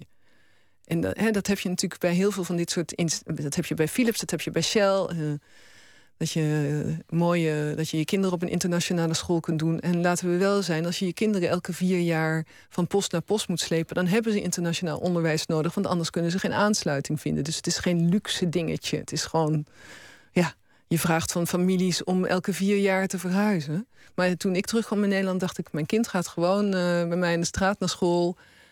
Ik ga gewoon weer het gewone leven leiden, dan kan ik ook weg. Dat is denk ik de rode draad. Je wil niet in een kooi zitten. Niet in de kooi van Marcel van Dam die zegt van dit is een wijk vol zielige mensen, die moeten we helpen. Want oh, dit zijn onrendabele, Ja. afhankelijke mensen, hoe goed bedoeld ook. Niet in de kooi van je familie, niet in de kooi van het katholieke geloof, niet in de gouden kooi van de diplomatieke dienst. En ook niet in de kooi van dat iemand Ja, je identiteit opplakt. Volgens mij is dat. Ja, en ik heb, ik heb ooit wel eens beschreven... Ik, had, ik heb twee soorten ambassadeurs meegemaakt in de diplomatieke dienst. Eentje die zijn medewerkers op de afstandsbediening zette... en letterlijk het, de sleutel van het kooitje had... en dan af en toe het kooitje opendeed en zei... vlieg. En mensen die langere tijd vast hebben gezeten... in een beknelde situatie... kunnen die nog wel hun vleugels uitslaan. Of de ambassadeur die zelf op het nest zat... mooi nest in een boom, goed uitzicht... en die had zoiets van vlieg. En kom vooral vaak terug op het nest. Hier zit ik. Als je iets van mij nodig hebt, vlieg ik af en toe met je mee. Nou ja, je begrijpt welke stijl van leidinggeven mijn voorkeur heeft. Die had je ook. En dat vind ik, ja, dat, dat is ook echt de rode draad in mijn verhaal op de Donderberg. Als ik voor mijzelf gun dat ik Limburgs mag spreken, dat ik mij geworteld mag voelen in waar ik vandaan kom, dat ik die gelaagdheid in die identiteit, Limburgs katholiek, eh, Nederlands, wereldburger, dan mag eh Amal, die op de voorkant van mijn boek staat, die op tien, als tienjarig meisje uit Somalië naar Nederland is gekomen, dan, dan mag zij toch ook gewoon en moslim en Somalisch en Nederlands en afgestudeerd organisatiewetenschappen. Ja, daar krijg ik energie van als we elkaar dat durven te gunnen. Dankjewel. En succes met eh, de verkiezingen. Zij het uh, Dankjewel. getrapte verkiezingen. Iedereen gaat stemmen graag. Terug naar de Donderberg heet het eh, boek Petra Stine. Dankjewel. Dankjewel. Zometeen uh, gaan we verder via Twitter, het VPRO NMS... of via de mail nooit meer slapen, VPRO.nl. Straks een verhaal van Ivo Victoria... die deze week elke dag een verhaal voordraagt. Tot zometeen.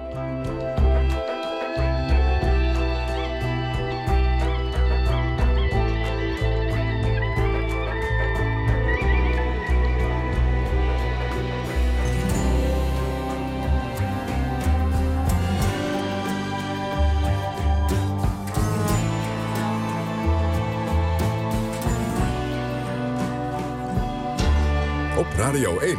Het nieuws van alle kanten.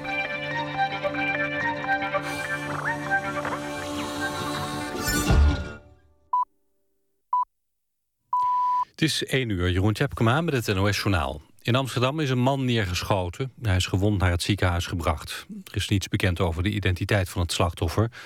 Het schietincident was in het westelijk havengebied. De dader is gevlucht in een donkere auto. De omgeving is afgezet en de politie doet daar onderzoek naar de schietpartij. Bij een ongeluk op het NS-station in Wiegen is iemand omgekomen toen hij voor een trein kwam. Wat er precies is gebeurd is nog niet duidelijk. De politie heeft drie mensen aangehouden. Ze zouden betrokken zijn geweest bij een ruzie die ergens anders in Wiegen begon. De groep ging volgens de politie daarna naar het station. De politie wil niet zeggen of er bij het ongeluk opzet in het spel was. Zoals op sociale media wordt gezegd. Veel mensen zouden het ongeluk hebben zien gebeuren en overstuur zijn. Door het ongeluk rijden er tussen Nijmegen en Os nu geen treinen. Minister Koenders heeft de visa ingetrokken van drie imams... die op 8 maart zouden spreken op een bijeenkomst in Rijswijk. De beslissing is genomen op grond van informatie... van de Nationaal Coördinator Terrorismebestrijding. De maatregel past in het kader van het actieprogramma Jihadisme... staat verder in de verklaring. Onderzoeksinstituut Nivel is verbaasd over de lange duur van de griepepidemie. Hoewel de winter erg zacht is, duurt de epidemie nu al 11 weken. Gemiddeld duurt een griepperiode zo'n 8 weken. Afgelopen week gingen er zelfs meer mensen naar de huisarts dan de week daarvoor. Het griepvirus heeft zich zo aangepast dat het griepvaccin dit jaar minder effectief is. Mensen die normaal gesproken baat hebben bij de griepprik... lopen daardoor nu alsnog grote kans het virus op te lopen. In de achtste finales van de Champions League heeft Chelsea uit met 1-1 gelijk gespeeld tegen Paris Saint-Germain.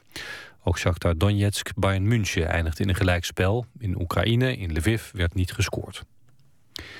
Het weer. Vannacht over het hele land opklaringen. De temperatuur daalt tot plaatselijk min 5 en het wordt mistig en het kan glad worden. De mist lost in de ochtend op. Daarna wordt het zonnig met temperaturen rond de 7 graden. Dit was het NOS Journaal. NPO Radio 1. VPRO. Nooit meer slapen.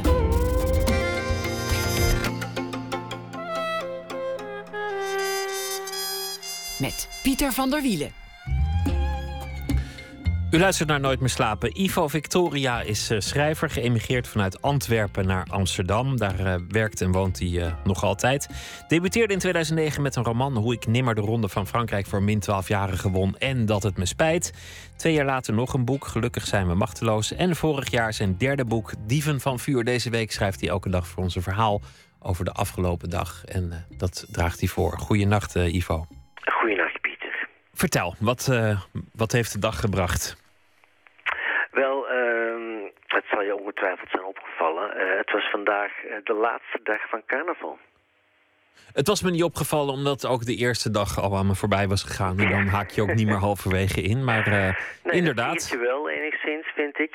Ehm, maar inderdaad, het was carnaval de afgelopen dagen. En ehm, het was een beetje een spannende carnaval.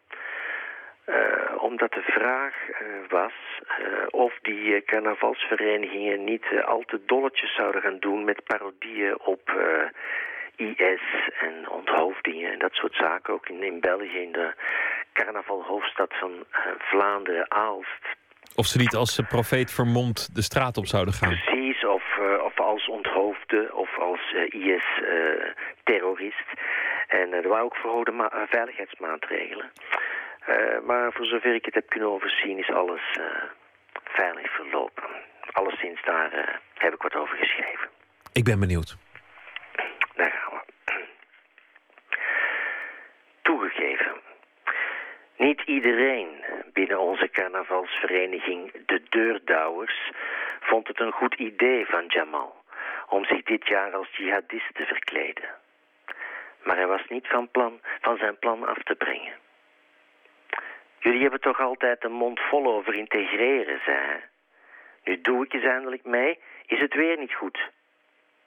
Ik begreep het wel. We zijn hier samen opgegroeid, Jamal en ik.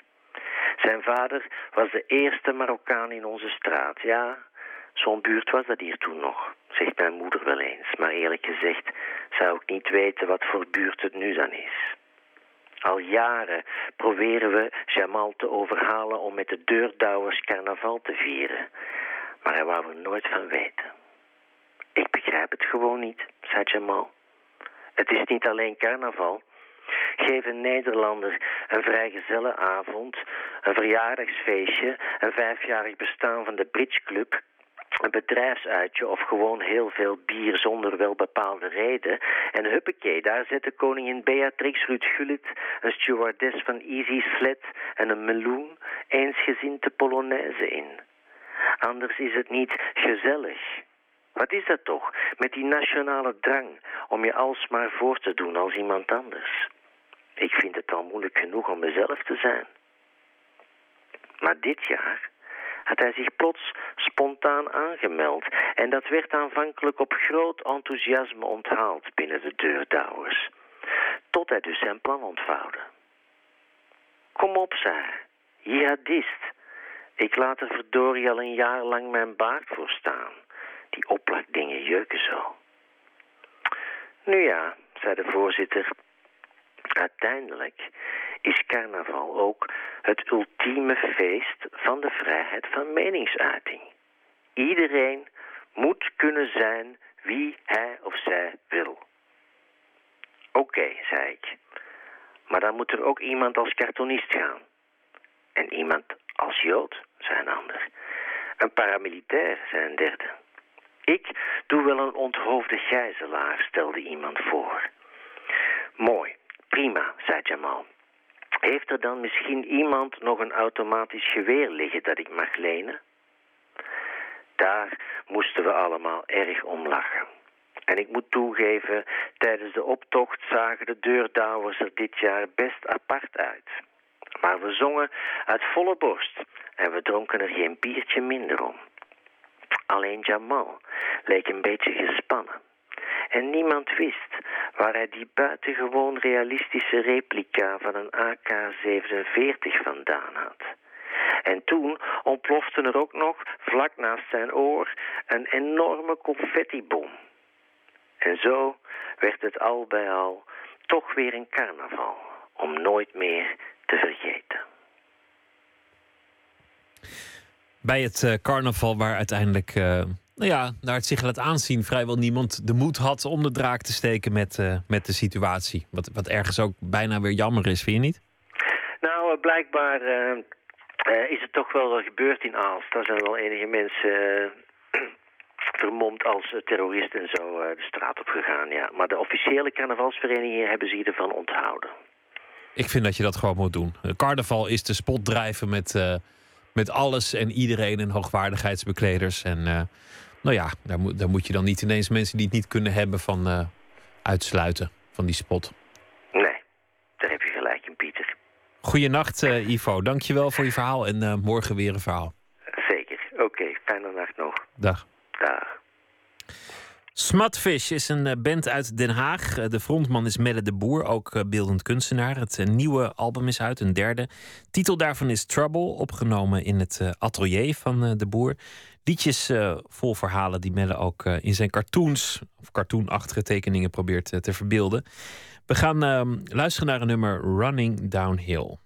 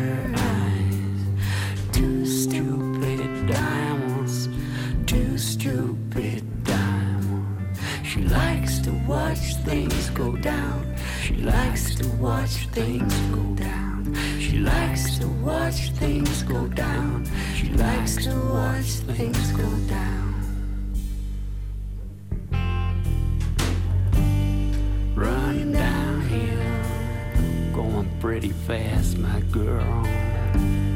Running downhill with your eyes closed. Running downhill, sure can't stop you now.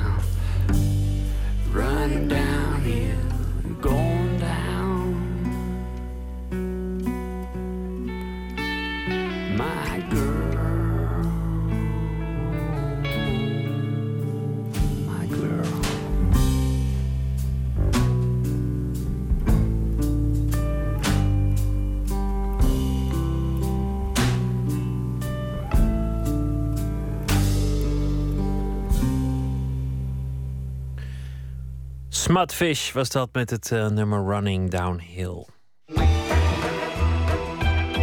Nooit meer slapen. Afgelopen maand zijn er op straat in eh, de Amsterdamse buurt eh, Nieuw-West twee afrekeningen en een gewelddadige arrestatie geweest. Eh, reden voor Theater de Meervaart in het hart van Osdorp. Om een avond te organiseren met schrijvers, kunstenaars, wetenschappers en een journalist. Om de tongen los te krijgen in de zaal. Een gesprek over het onderwerp. Matthijs Deen, die toevallig ook in de buurt woont, ging in die zaal zitten om te kijken wat er gebeurde.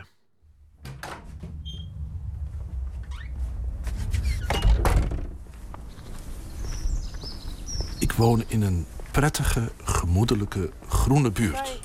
Waar kinderen spelen, honden uitlatende buren elkaar staande houden voor een praatje. En waar, als de winter afloopt, kievieten nog wel eens willen rondstappen in het gras voor de deur. Roodbosjes, hegemussen en winterkoninkjes fluiten in de heg. En op warme zomernachten het gekwaak van kikkers tot in de slaapkamer doordringt. We zijn er gaan wonen toen we kinderen kregen. Want het is een buurt waar je ze met gerust hart buiten kan laten spelen. Omdat buren rondom ze bij naam kennen. En er altijd wel iemand toesnelt als een knie geschaafd is. Of een bal te hard aankwam. Elke half uur slaan achter de bomen de klokken van de protestantse en de katholieke kerk. Ik woon dan ook in Amsterdam, Nieuw-West. Het is in deze buurt dat op een rustige zondagmorgen het gedreun van een helikopter aanzwelde, piepende banden over de verkeersdrempel stuiterden, een auto klemgereden door achtervolgende politie een carport ramde en er, na een vuurgevecht met verwonding, vier jonge mannen en een aantal AK-47's werden ingerekend. Dat gebeurde in de Knokkenstraat. Van mij uitgerekend een straat verderop. Waar zekere Andreas Fleischman woont. De directeur van Theater de Meervaart in Amsterdam-Osdorp. Nou ja, ik, ik lag te slapen natuurlijk. Het was, voor zover ik kan herinneren, ergens rond half vijf eh, hoorde ik in de verte een helikopter. Eh, ik ben toen wakker geworden, ben uit het raam gaan kijken. Ik zag een aantal auto's rondrijden die hun lampen niet aan hadden. En ook over het fietspad scheuren, et cetera. En op een gegeven moment hoorden we een stuk of zes, zeven schoten, kan ik me herinneren. En dat was wel het moment dat ik dacht van ja, eh, dit is een foute boel.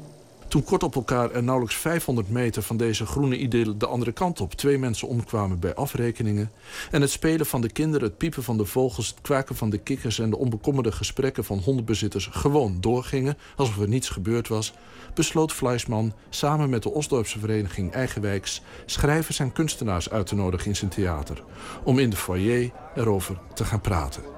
Hij rekende op een man of tachtig. Er kwamen er honderden.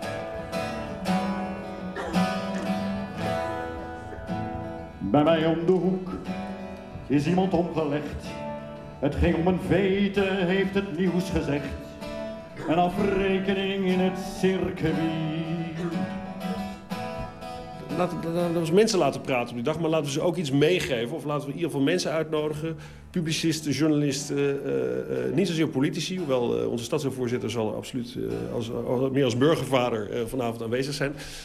Om even wat lucht te geven van hoe verhoudt zich dat nu. Hè? Het is bijvoorbeeld zo dat de criminaliteitscijfers in principe alleen maar aan het dalen zijn. Maar zo voelt het niet. En dat is ook omdat het aan de ene kant soms heel akelig dichtbij komt.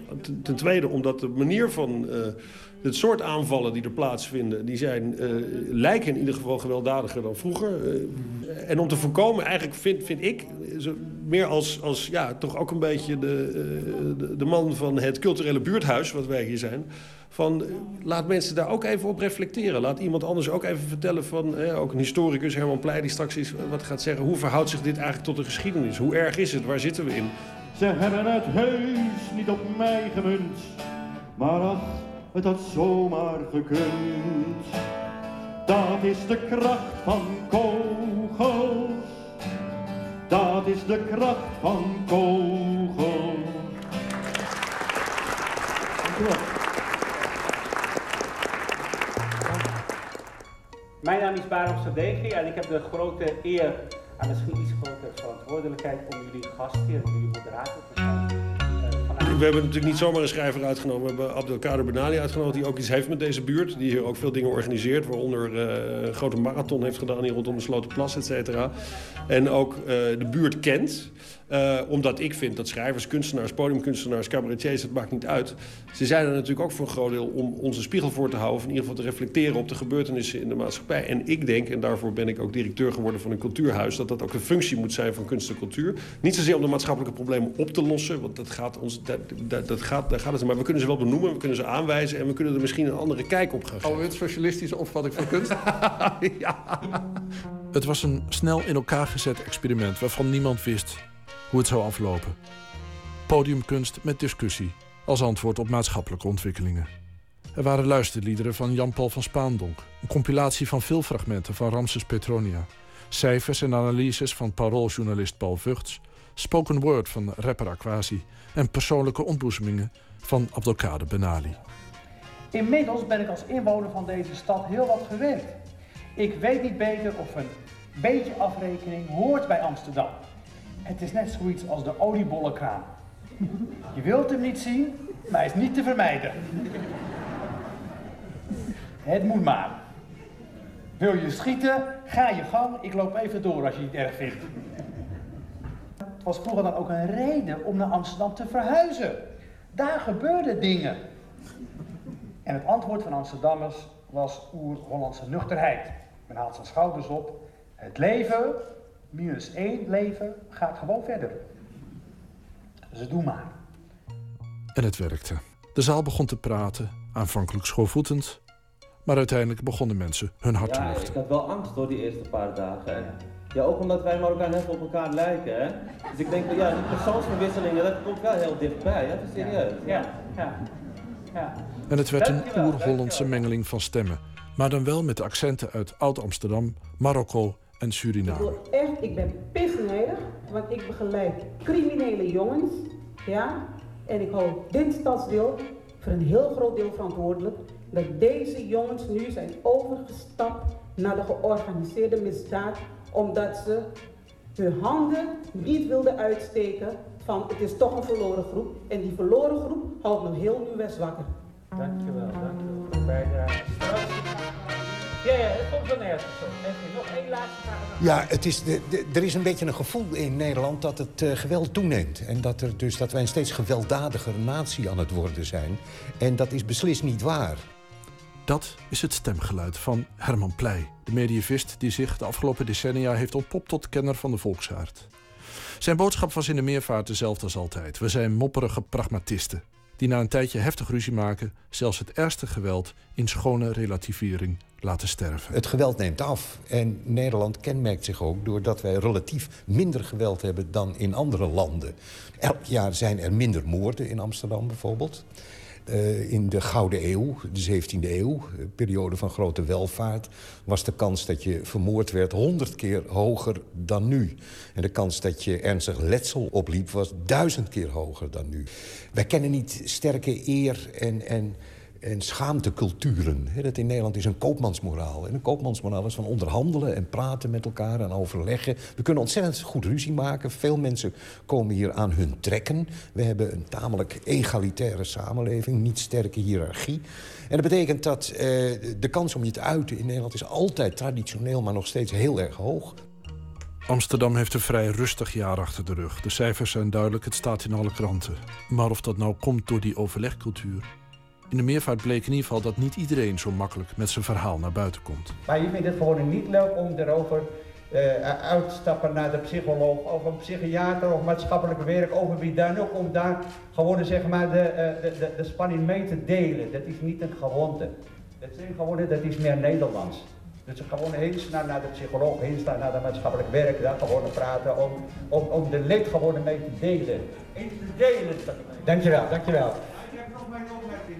Nee, ja, de, de meervaart lijkt iets bij de kop te hebben. Directe interventie van de kunst in de problemen van de samenleving. Brood en spelen als antwoord op geweld op straat. De aanwezigheid van schrijvers en performers maakt het werk van moderator van de avond, Bagram Sadeghi, die veel discussies leidt, aanzienlijk makkelijker dan gewoonlijk. Ja, het is echt altijd fijn om mensen erbij te halen die met één been in het onderwerp zitten, maar met ander been niet. Maar wat, wat gebeurt er dan? Nou kijk, zij kunnen sowieso dingen uh, naar een hoger niveau misschien brengen. Meer een parapluvisie uh, op de zaak gooien. Of soms op een, ik wil niet zeggen filosofisch, maar meer beschouwen naar kijken. En dat zag je al gewoon bij Herman Pleij. Hij is de, hoe heet het, hoogleraar... Ja, hoogleraar Middeleeuws ja, ja, toestanden. En dan houdt hij toch een fantastisch praatje. En dat is echt leuk. Die, dat hele idee dat, dat de kunst iets moet doen met politiek... en dat de kunst ge geëngageerd moet... is eigenlijk bijna een jaren zeventig idee. Het, is, het, um, het is gewoon een, het is een beetje terug in de tijd, dit. Ja. Ik zou het woord moet weg willen halen. Dus kunst moet zich verhouden tot, uh, tot uh, politiek of tot uh, maatschappelijke actualiteit. Absoluut niet. Kunst heeft zoveel verschijningsvormen. Je hebt kunst om kunst, hè? Mhm. Ook zo oud als de weg naar Rome. Dat moet ook kunnen. Maar tegelijkertijd, ik vind als wij een debat organiseren... dan moeten we bedenken, is er een kunstenaar die zich om welke reden ook... zoals Abdelkader Benali, of zoals uh, Omar, of zoals Aquasi... voelen zich mensen betrokken bij dit onderwerp. Die halen we erbij, weet je, die doen hun ding. Niet omdat het moet, maar omdat die, die, jongens die voelen zich, weet je, het, het, het, niemand echt, wat mij betreft, meent echt, het is geen obligaat praatje. Geen enkel kunstenaar hoeft zich te engageren. Behalve als hij of zij dat wil. Klaar. Ik ben op een plek in West. Ons best, thuis best, thuis best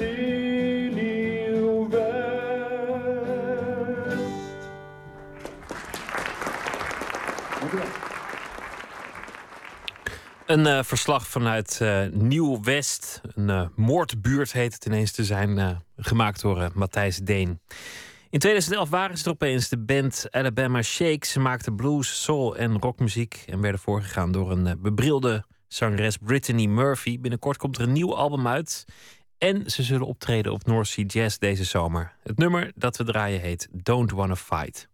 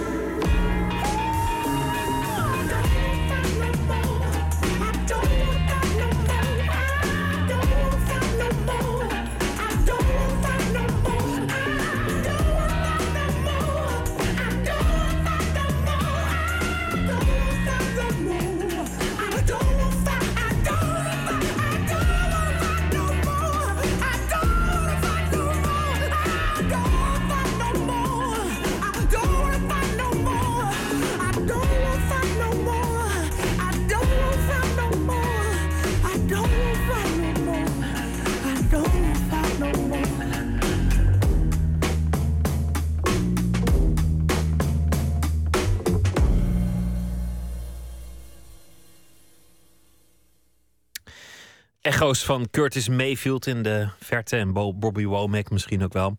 Alabama Shakes was dat met ehm, een nummer van hun tweede album Sound and Color dat eind april zal uitkomen. Nooit meer slapen. Pieter Steins, eh, schrijver en directeur van het Nederlands Letterenfonds, was vanavond gast-eindredacteur van het eh, tv-programma De Wereld Draait Door. Hij heeft de ziekte ALS. Het eh, werd een memorabele uitzending, een historisch college, een interview met zijn dochter en een uitvoering van een mini-opera waar Steins zelf de tekst voor heeft geschreven. Botte Jellema is onze nachtcorrespondent. Hij heeft de aflevering bekeken. En Botte, goeienacht. Goeienacht. De directe aanleiding is waarschijnlijk het nieuwe boek van Steins, dat eh, ook deze week verschijnt. Ja, zeker. Eh, dat ligt eh, vanaf morgen in de winkels en dat wordt donderdag officieel gepresenteerd. Dus dat is zeker geen toeval. Maar Pieter Steins is al langer verbonden aan dat programma. Hoor. Hij heeft zo'n zes jaar geleden eh, een tijdje een onderwerp gehad dat... of tenminste, dat programma heeft een onderwerp gehad dat De Stoel van Steins heette. En daar werd een gebeurtenis uit de actualiteit gekoppeld aan iets uit het verleden. En daar werd dan over verteld. Eerst deed Steins dat zelf, maar later waren het ook anderen. Maar het idee voor deze uitzending die kwam helemaal vanuit de redactie van De Wereld Draait Door. Zo vertelde Matthijs van Nieuwkerk aan het begin. Pieter kreeg anderhalf jaar geleden de ongeneeslijke spierziekte ALS. En over zijn leven met deze ziekte en de troost van de literatuur schrijft hij sindsdien om de zaterdag in NRC een veelgelezen column. En in een van die columns schreef hij, ik denk een week of acht geleden, dat hij steeds meer televisie kijkt. En dat zijn avond dan stevast begint met De Wereld Draait Door. Wij dus.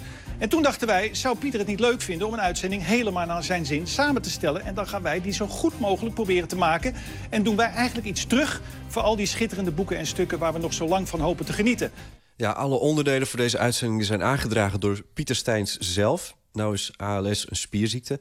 En Steins heeft hij tot op heden tot gevolg dat hij niet meer kan praten. Hij was wel in de studio, hij kwam af en toe in beeld... maar eh, voor het gesproken woord was er een waardig vervanger. Namelijk zijn dochter, namelijk Jet Steins. En eh, die heeft samen met haar vader het boek geschreven... maar daarover straks wat meer. Eerst eventjes nog wat over in de uitzending gebeurde. Bijvoorbeeld een college van professor Meijer, Fik Meijer... die hield een verhaal van ruim 10 minuten... over de oude Roomse stad Leptis Magna... die in Libië ligt. En eh, in Libië is het buitengewoon onrustig op dit moment, zoals je weet. En eh, Meijer die maakt zich grote zorgen over dit werelderfgoed. Ja, wat er gebeurd is ook, dat is bijvoorbeeld kleine eh, vaasjes, terracotta kruikjes, eh, munten. Die zijn al voor een groot deel eh, weggehaald en komen ook langzamerhand op de zwarte markt. En de grote beelden, kijk, een groot Claudiusbeeld van 2, 3 meter... dat doe je niet 1, 2, 3 weg. Maar je hebt natuurlijk altijd mensen die proberen om dat te vernielen... omdat ze het gewoon niet interessant genoeg vinden. En het is niet hun verleden. Nou Ja, Meijer heeft Pieter Steins zelf nog les gegeven. We kregen van Meijer een virtuele rondleiding door die oude stad. En er werd, het was heel leuk, uitgebreid de tijd voor genomen. Eh, Meijer bleek ook echt een meesterverteller. Nou, Pieter Steins had dus heel goed in de gaten dat dit werkt... voor dat brede publiek van de Wereld Draait Door. En Pieter eh, Steins, eh, het, woord werd namens hem een beetje gevoerd door zijn dochter, Jet Steins. Die heeft ook het boek samen met hem geschreven. En zij werd dan zelf ook nog geïnterviewd. Ja, ze was een beetje de ster van de uitzending. Sowieso is het natuurlijk bijzonder dat een dochter van een vader... die niet heel lang meer heeft te leven aan het woord komt. Eh, maar ze vertelde ook echt heel erg enthousiast over dat boek. De appel valt wat dat betreft niet ver van de boom. En een van de mooiste momenten was dan ook de trotse blik van Pieter... toen zijn dochter aan tafel zat bij Matthijs. Overmorgen komt dit boek uit. Stijns Gids voor de Wereldliteratuur. Met 416 schrijverslemma's, 104 uitgelichte meesterwerken... 26 one-book wonders, 52 boekwebben... 52 literaire landkaarten, 26 literaire thema's... en 26 literaire quizzen. Na de bestseller Made in Europe van vorig jaar... moest Stijns ook dit megaproject nog onder handen nemen. Aan tafel co-auteur en dochter Jet. Welkom. Samen gemaakt, hè? Ja, we hebben het helemaal samen gemaakt. En wat is samenwerken met, met, met je vader? Naast Ehm, elkaar zitten en, en, en de taken verdelen? Nee, niet echt. Nou, we hebben taken verdeeld natuurlijk wel. Maar we, kunnen we hebben niet echt naast elkaar gezeten om samen te schrijven. Dat doe je uiteindelijk toch alleen. En daarbij eh, is papa ziek, dus kan hij niet meer echt praten. Ja, en daarna kwam ze uitgebreid aan het woord over de inhoud van het boek. Stijns eh, gids voor de wereldliteratuur. Eh, en dat boek is een, een samenvoeging en een actualisering van de boeken eh, van Pieter Lezen, et cetera, 2003. En Lezen op locatie, 2004. Hij heeft het volledig bijgewerkt met z'n tweeën. En dat hebben ze dus samen gedaan. Een bijzonder project. toch ook een beetje omdat je niet weet hoe lang het nog duurt. Je weet niet wanneer het allemaal ophoudt als je ALS hebt. Nee, en dat is een reden voor mij om Jet na afloop van de uitzending van De Wereld Door... even op te zoeken en daarnaar te vragen. Was niet eh, het van het begin af aan duidelijk dat hij het zou kunnen afmaken. Want toen hij de diagnose ALS kreeg, kreeg hij nog een half jaar. Nou, inmiddels leeft hij alweer wat langer. Eh, wij begonnen te schrijven vorig jaar, in eh, maart, april eh, 2014. En op een gegeven moment, ook in de zomer, ging het heel erg slecht met hem. Toen heeft hij een tijdje in het ziekenhuis gelegen. En toen leek het echt even op van dat het binnen twee weken dat hij dood zou zijn. En toen dacht ik van ja, nu moet ik het dus zelf gaan afmaken. Maar dat, eh, ja, gelukkig hebben we het gewoon samen, is er toch weer bovenop gekomen en hebben we het gewoon samen helemaal nou ja, kunnen afschrijven. En ehm, komt hij ook op de presentatie donderdag. Dat is eh, heel erg leuk natuurlijk. Dit, het lijkt me een hele waardevolle periode die je nu achter de rug hebt. Ja, het is heel erg bijzonder dat eh, iets wat ja, heel waarschijnlijk, hoogstwaarschijnlijk zijn laatste project is, dat we dat samen hebben kunnen doen. Het is natuurlijk ook wel gek, omdat eh, als hij niet ziek was geweest, hadden we dit überhaupt misschien helemaal niet samen gedaan. Of had hij het überhaupt niet gedaan, had hij de druk gehad met andere werkzaamheden. Dus ja, in de, die, dat opzicht, het is een hele mooie, waardevolle periode geweest. En tegelijkertijd ook natuurlijk wel een beetje wrang of zo. Maar ja, oh, het is ook wel weer een soort van logische uitkomst dat wij dit samen doen. Omdat ik ben helemaal, helemaal opgevoed eh, met boeken. Altijd meegeweest naar alle lezingen of literaire events ehm, die hij gaf. Of gewoon waar, waar hij heen ging. Dat vond ik, ja, ik ben daar helemaal door omgeven. Dus dat, is echt onze gedeelde passie. Het schrijven en het lezen. Dus in die zin is het ook wel een soort van weer logische uitkomst of zo dat we het samen doen. Hoe, ehm, hoe vond Pieter Steins het zelf en, en hoe ben je daarachter gekomen? Ja, nou, ik heb Jet gewoon gevraagd. Jet vertelde mij dat, ze, dat hij het echt geweldig vond. Eh, de mini-opera van één minuut eh, werd uitgevoerd. Daar heeft hij zelf het libretto voor geschreven. Eh, dat ging helemaal over het Joodse bruidje van Rembrandt. Dat werd daar ter plekke ook een beetje geanceneerd. Eh, er waren allemaal lievelingsonderwerpen van hem, zei Jet. De perfecte Wereld Draait Door uitzending voor Pieter Steins. En Jet zelf vond het ook een prachtige avond. Ja, ze werd er blij van, vertelde ze. ik vind het heel erg fijn dat ik heb kunnen vertellen over mijn passie. Wat ook mijn vaders passie is. Dat ik hopelijk mijn vader heb trots kunnen maken. Dat ik toch op een of andere manier zijn werk voort zal zetten. Gewoon dit maken en dit laten zien aan heel veel mensen. Dat vind ik, ja, dat, dat is, eh, dat, daar word ik heel blij van. Ja, als ze de uitzending terugziet, dan zal ze ook zien dat haar vader heel blij daarvan werd. Ze keek, hij keek af en toe heel trots naar haar.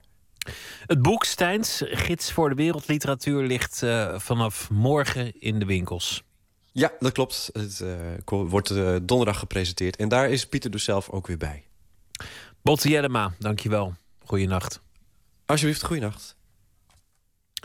Deze week verscheen een nieuw album van de Zweedse singer-songwriter José González. Het heeft zeven jaar geduurd, maar het is een derde album en het is er nu. 9 maart speelt hij in de Melkweg in Amsterdam. Het nummer Stories We Build, Stories We Tell.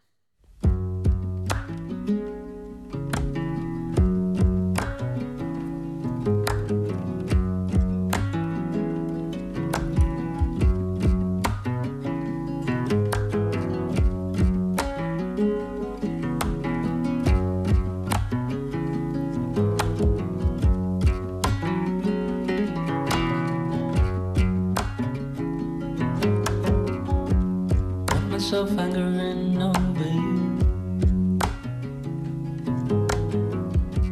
Got myself angering over you. Sitting in silence, wondering what to do. Got myself angering over you.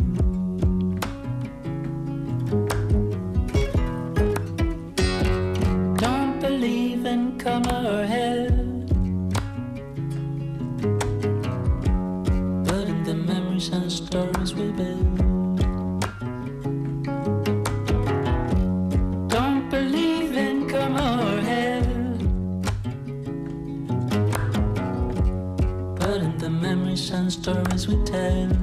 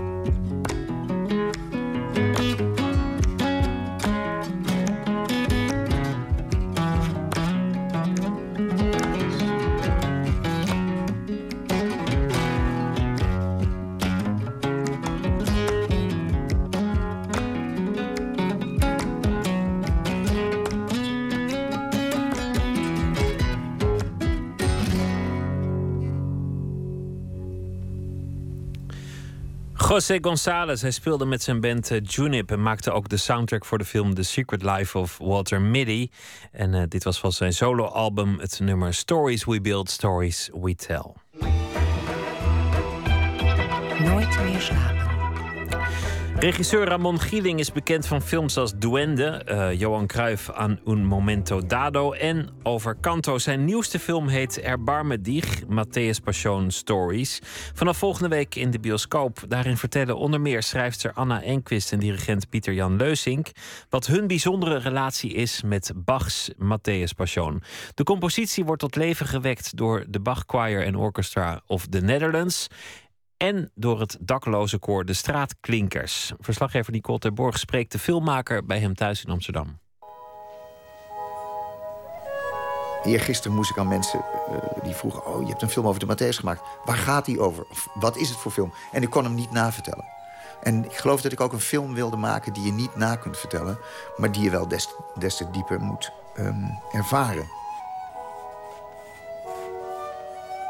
Kijk, als een film of als een kunstwerk niet kan concurreren met de impact die een grote gebeurtenis in je eigen leven heeft, dan schiet eigenlijk een kunstwerk tekort.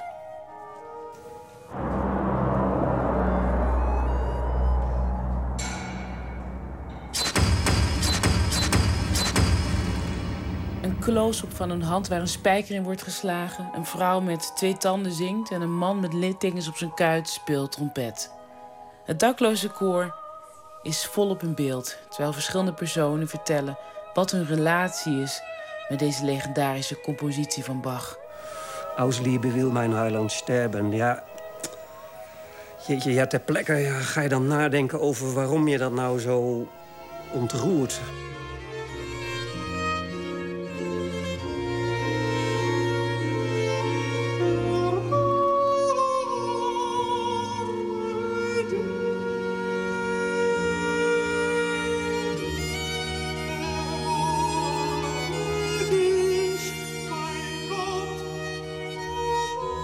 De een zegt het is een speelfilm, de ander zegt het is een opera... de ander zegt het is een documentaire. Ik geloof dat het allemaal die genres samen is... en die genres ook samen voegt en ook samen wil voegen. tu connais euh, Mathias Passion Oui, je connais Mathias Passion. Ja? Oui. Het muziekstuk van Bach denk ik ook van er zijn zoveel films gemaakt, zoveel boeken geschreven, er is zoveel al gemaakt.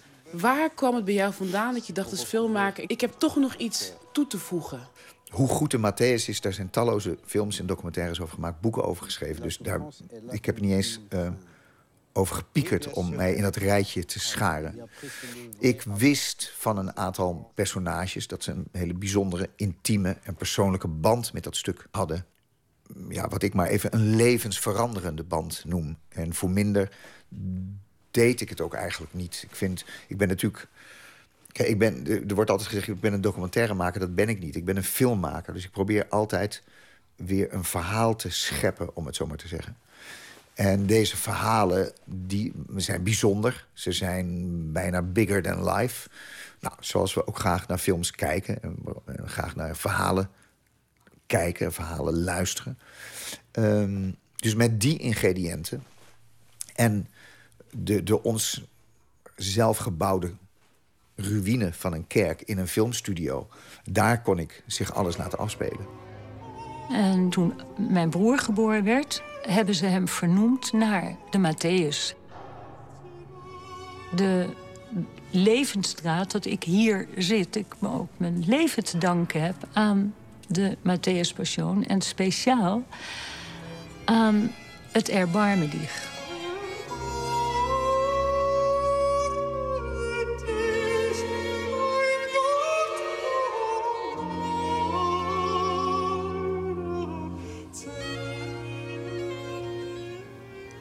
Intention. I really think the music is an opening, and I, it's music is the opening for an experience that we don't know the end point, and we won't know the end point. And I think that's the beauty of Bach's structure is to say, "Please come help me weep." Onder andere opera-regisseur Pieter Sellers en dirigent Pieter Jan Leuzink delen hun verhaal. En niet te vergeten Anna Enquist, die door de dood van haar dochter overleefd heeft... door Bach eh, dag in dag uit eh, te spelen. ik kan niet anders zeggen dan dat ik het idee heb dat het bij mij wel gewerkt heeft. Ja. Ik heb enorm veel piano gespeeld, al meteen na de dood van Margit. En eh, ik ben daarmee door blijven gaan. En ik heb echt het idee dat dankzij dat spelen... ik wel ja, beter overeind blijf dan eh, anders het geval geweest zou zijn. Kijk, wat muziek doet en wat Pieter Sellers, de operaregisseur in de film... ook in andere woorden vertelt... op het moment dat er een gewonde plek in jouw geest of lichaam zit... die gaat weer open als je muziek hoort die zo diep ingrijpt. Dus het is een, een wond die open gaat... en die tegelijkertijd ook weer genezen wordt door diezelfde muziek. Dus die, de muziek en de film worden in dat opzicht... en dat zou je religieus kunnen noemen... bijna een soort biechtvader aan wie je iets prijsgeeft. Of in hedendaagse termen een psychiater aan wie je een geheim prijsgeeft. En wat je alleen in een hele intieme vorm deelt met die muziek die op dat moment te zien en te horen valt op dat, op dat doek. En, de beeld, en het beeld wat ik erbij gemaakt heb. Luister even allemaal goed, want we zijn uitgenodigd om de koor- en orkestrepetities bij te wonen. Van de Matthäus Passion. Wat ik belangrijk vond ehm, in het algemeen en misschien in het bijzonder een beetje voor Nederland. Kijk, in die Matthäus-traditie, de Nederlandse Matthäus-traditie... is dat die in kerken wordt opgevoerd voor chique mensen met bontjassen. Die komen allemaal ehm, op die eerste rijen zitten. Ook de Matthäus in het Concertgebouw, daar zit toch de, de bon ton zit daar. Het is een lijdensverhaal. Niet alleen een christelijk lijdensverhaal, maar ook een universeel verhaal. Ik wilde dat lijden, om het zo maar te zeggen... dat universeel menselijke lijden gereflecteerd zien op mensen bij wie het echt van toepassing is. Nou, bij wie is het meer dan ooit van toepassing? Op vluchtelingen, op daklozen. Die kunnen je iets vertellen over wat lijden is. Ehm, ik maak het nu heel gewichtig en, en, en, en zwaarwichtig. Maar zo is het eigenlijk niet eens bedoeld. Het is heel simpel. We zien een repetitie van een dakloze koor. De herder, om het zo maar te zeggen. De man die hun onder hun hoede heeft en, en hun onderdak biedt en beschermt. Die zegt, we zijn uitgenodigd om de repetities van, van de Matthäus bij te wonen. Nou, laten we dat doen. Dat is fantastisch. Nou, dan zie je ze op weg naar mijn studio gaan. Naar mijn verlaten kerk. En daar zijn ze de toeschouwers en de medeplichtigen. En de getuigen van wat ik daar opgezet heb.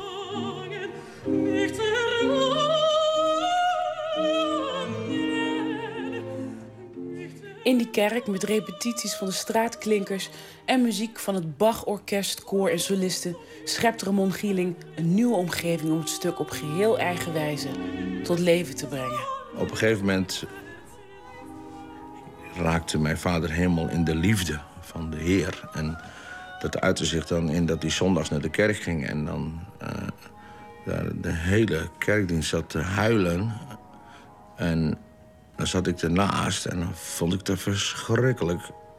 Kijk, belangrijk is om te weten dat Leusink twee rollen versmelten bij hem. Ik heb hem in beginsel gevraagd als personage. Omdat het verhaal van zijn levensverhaal... van de, de, de vader-zoon relatie en de vader-zoon breuk... en bijna bijbelse ehm, vertelling... die was wat mij in, in a priori in beginsel interesseerde. Het was een fooi uit de hemel dat hij ook nog een fantastische dirigent is... eh, die een fantastische Matthäus dirigeert... Maar nogmaals, ik laat hem niet alleen maar dat uitvoeren. Ik heb natuurlijk ook nog die aria's in zekere zin gechoreografeerd of geanceneerd. En dus er gebeurt nog wat meer dan alleen maar die muziek te laten klinken. Ik wilde juist niet dat je, zoals in het concertgebouw... naar een statische solist kijkt die richting zaal zijn, zijn potje staat te zingen. This confused group of choir singers are us. It's you and me. Whoever you are in 2015. De pijn is natuurlijk, is natuurlijk een van de gereedschappen van een schrijver of van een filmmaker of van een. Ik, bedoel, ik geloof dat alle grote kunstwerken over pijn gaan. Ehm, Waar zit jouw pijn? nou, die, is- die, die, die zit in mijn films. Die gooi je in jouw films, dat zit daarin. Ja, ik ben niet in therapie, ik maak films. Every tear is a jewel. Natuurlijk gaan, gaat deze film en de film die ik eh, hiervoor maakte, eh, About Canto... gaat natuurlijk over het raadsel muziek. Het, over het raadsel wat klanken, noten, eh, melodieën in ons hoofd doen. Ik heb altijd gezegd, ik wil dat raadsel helemaal niet oplossen. Dat raadsel moet blijven bestaan. Hè, als een soort holy grail. Die, het is ook een taboe om die te willen zoeken.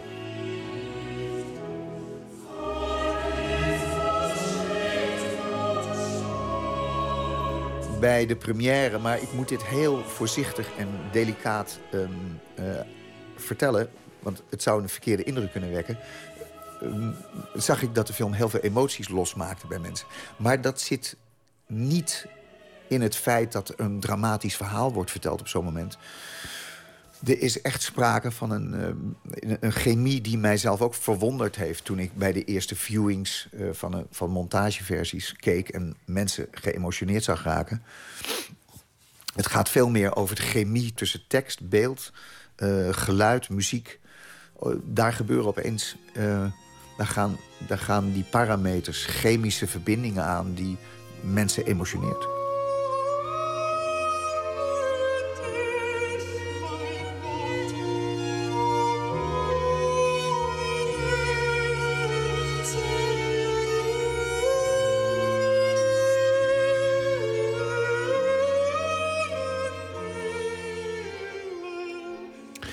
De film Matthäus Passion Stories van Ramon Gieling te zien vanaf 26 februari in de bioscoop. Minnie Riperton zat een uh, bijzondere uh, en ook een heel uh, sterke stem, want ze had een enorm bereik. De hit Loving You, Easy Because You're Wonderful, die uh, liet zien dat ze, dat ze gewoon vijf octaven kon halen. En vooral in de hoogte ging dat bereik erg ver. Ze is jong gestorven. Um, er is nog een nummer van haar, minder bekend, maar dat staat op de soundtrack van de, de film Inherent Vice, een nummer uit 1970, Les Fleurs.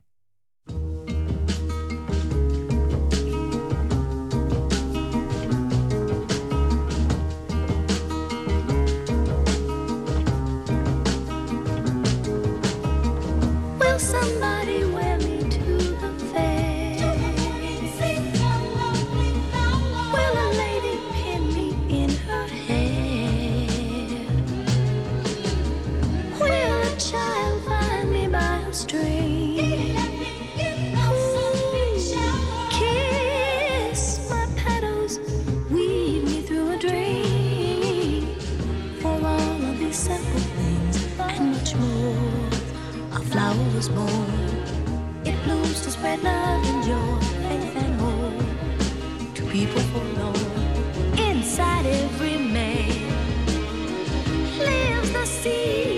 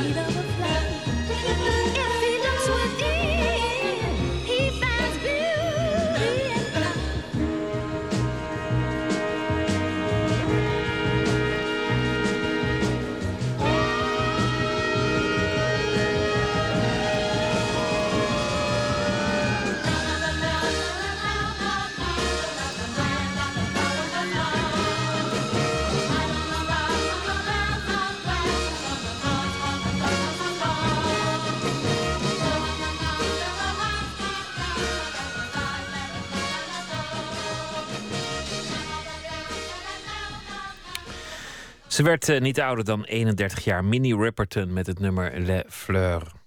Hanneke van Eyck is eh, dichter. Deze week zal ze elke dag een eh, gedicht voordragen. Zelf debuteerde ze in 2013 met de bundel papieren Veulens. Ze draagt nu een gedicht voor van Remco Kampert. En een gedicht van haarzelf dat geïnspireerd is op Kampert.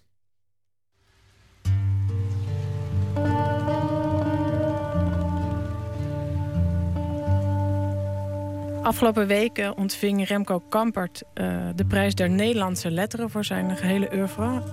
Volkomen terecht natuurlijk. Vanavond lees ik dan ook een gedicht van eh, Remco Kampert voor. Het is het gedicht Nacht.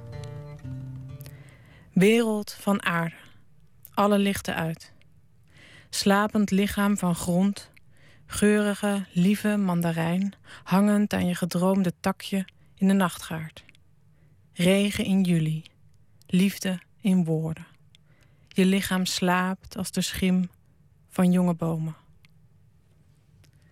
En op dit gedicht van Remco Kampert schreef ik zelf een, eh, een eigen versie die daarop geïnspireerd is. En dat heet Alle lichten uit. Alle lichten uit.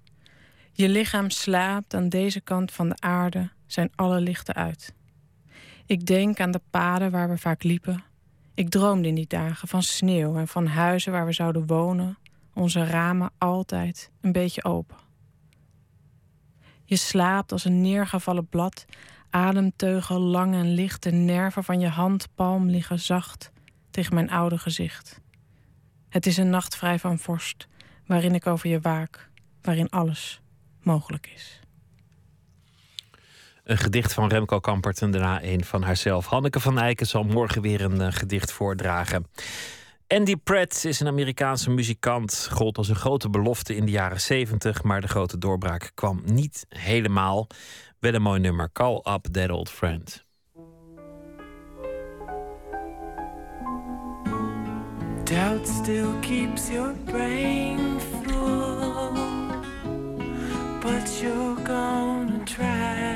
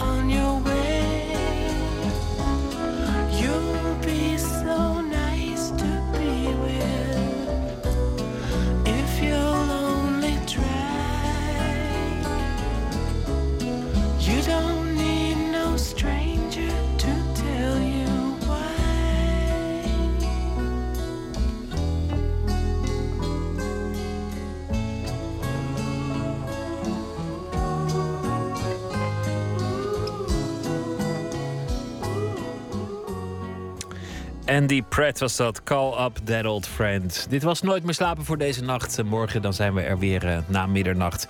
Wens ik u een eh, genoegelijke nacht en morgen een eh, prettige dag. En hopelijk weer tot dan. Zometeen WNL met nog steeds wakker met onder andere Teun Verstegen. Wens ik u een goede nacht. Graag tot morgen.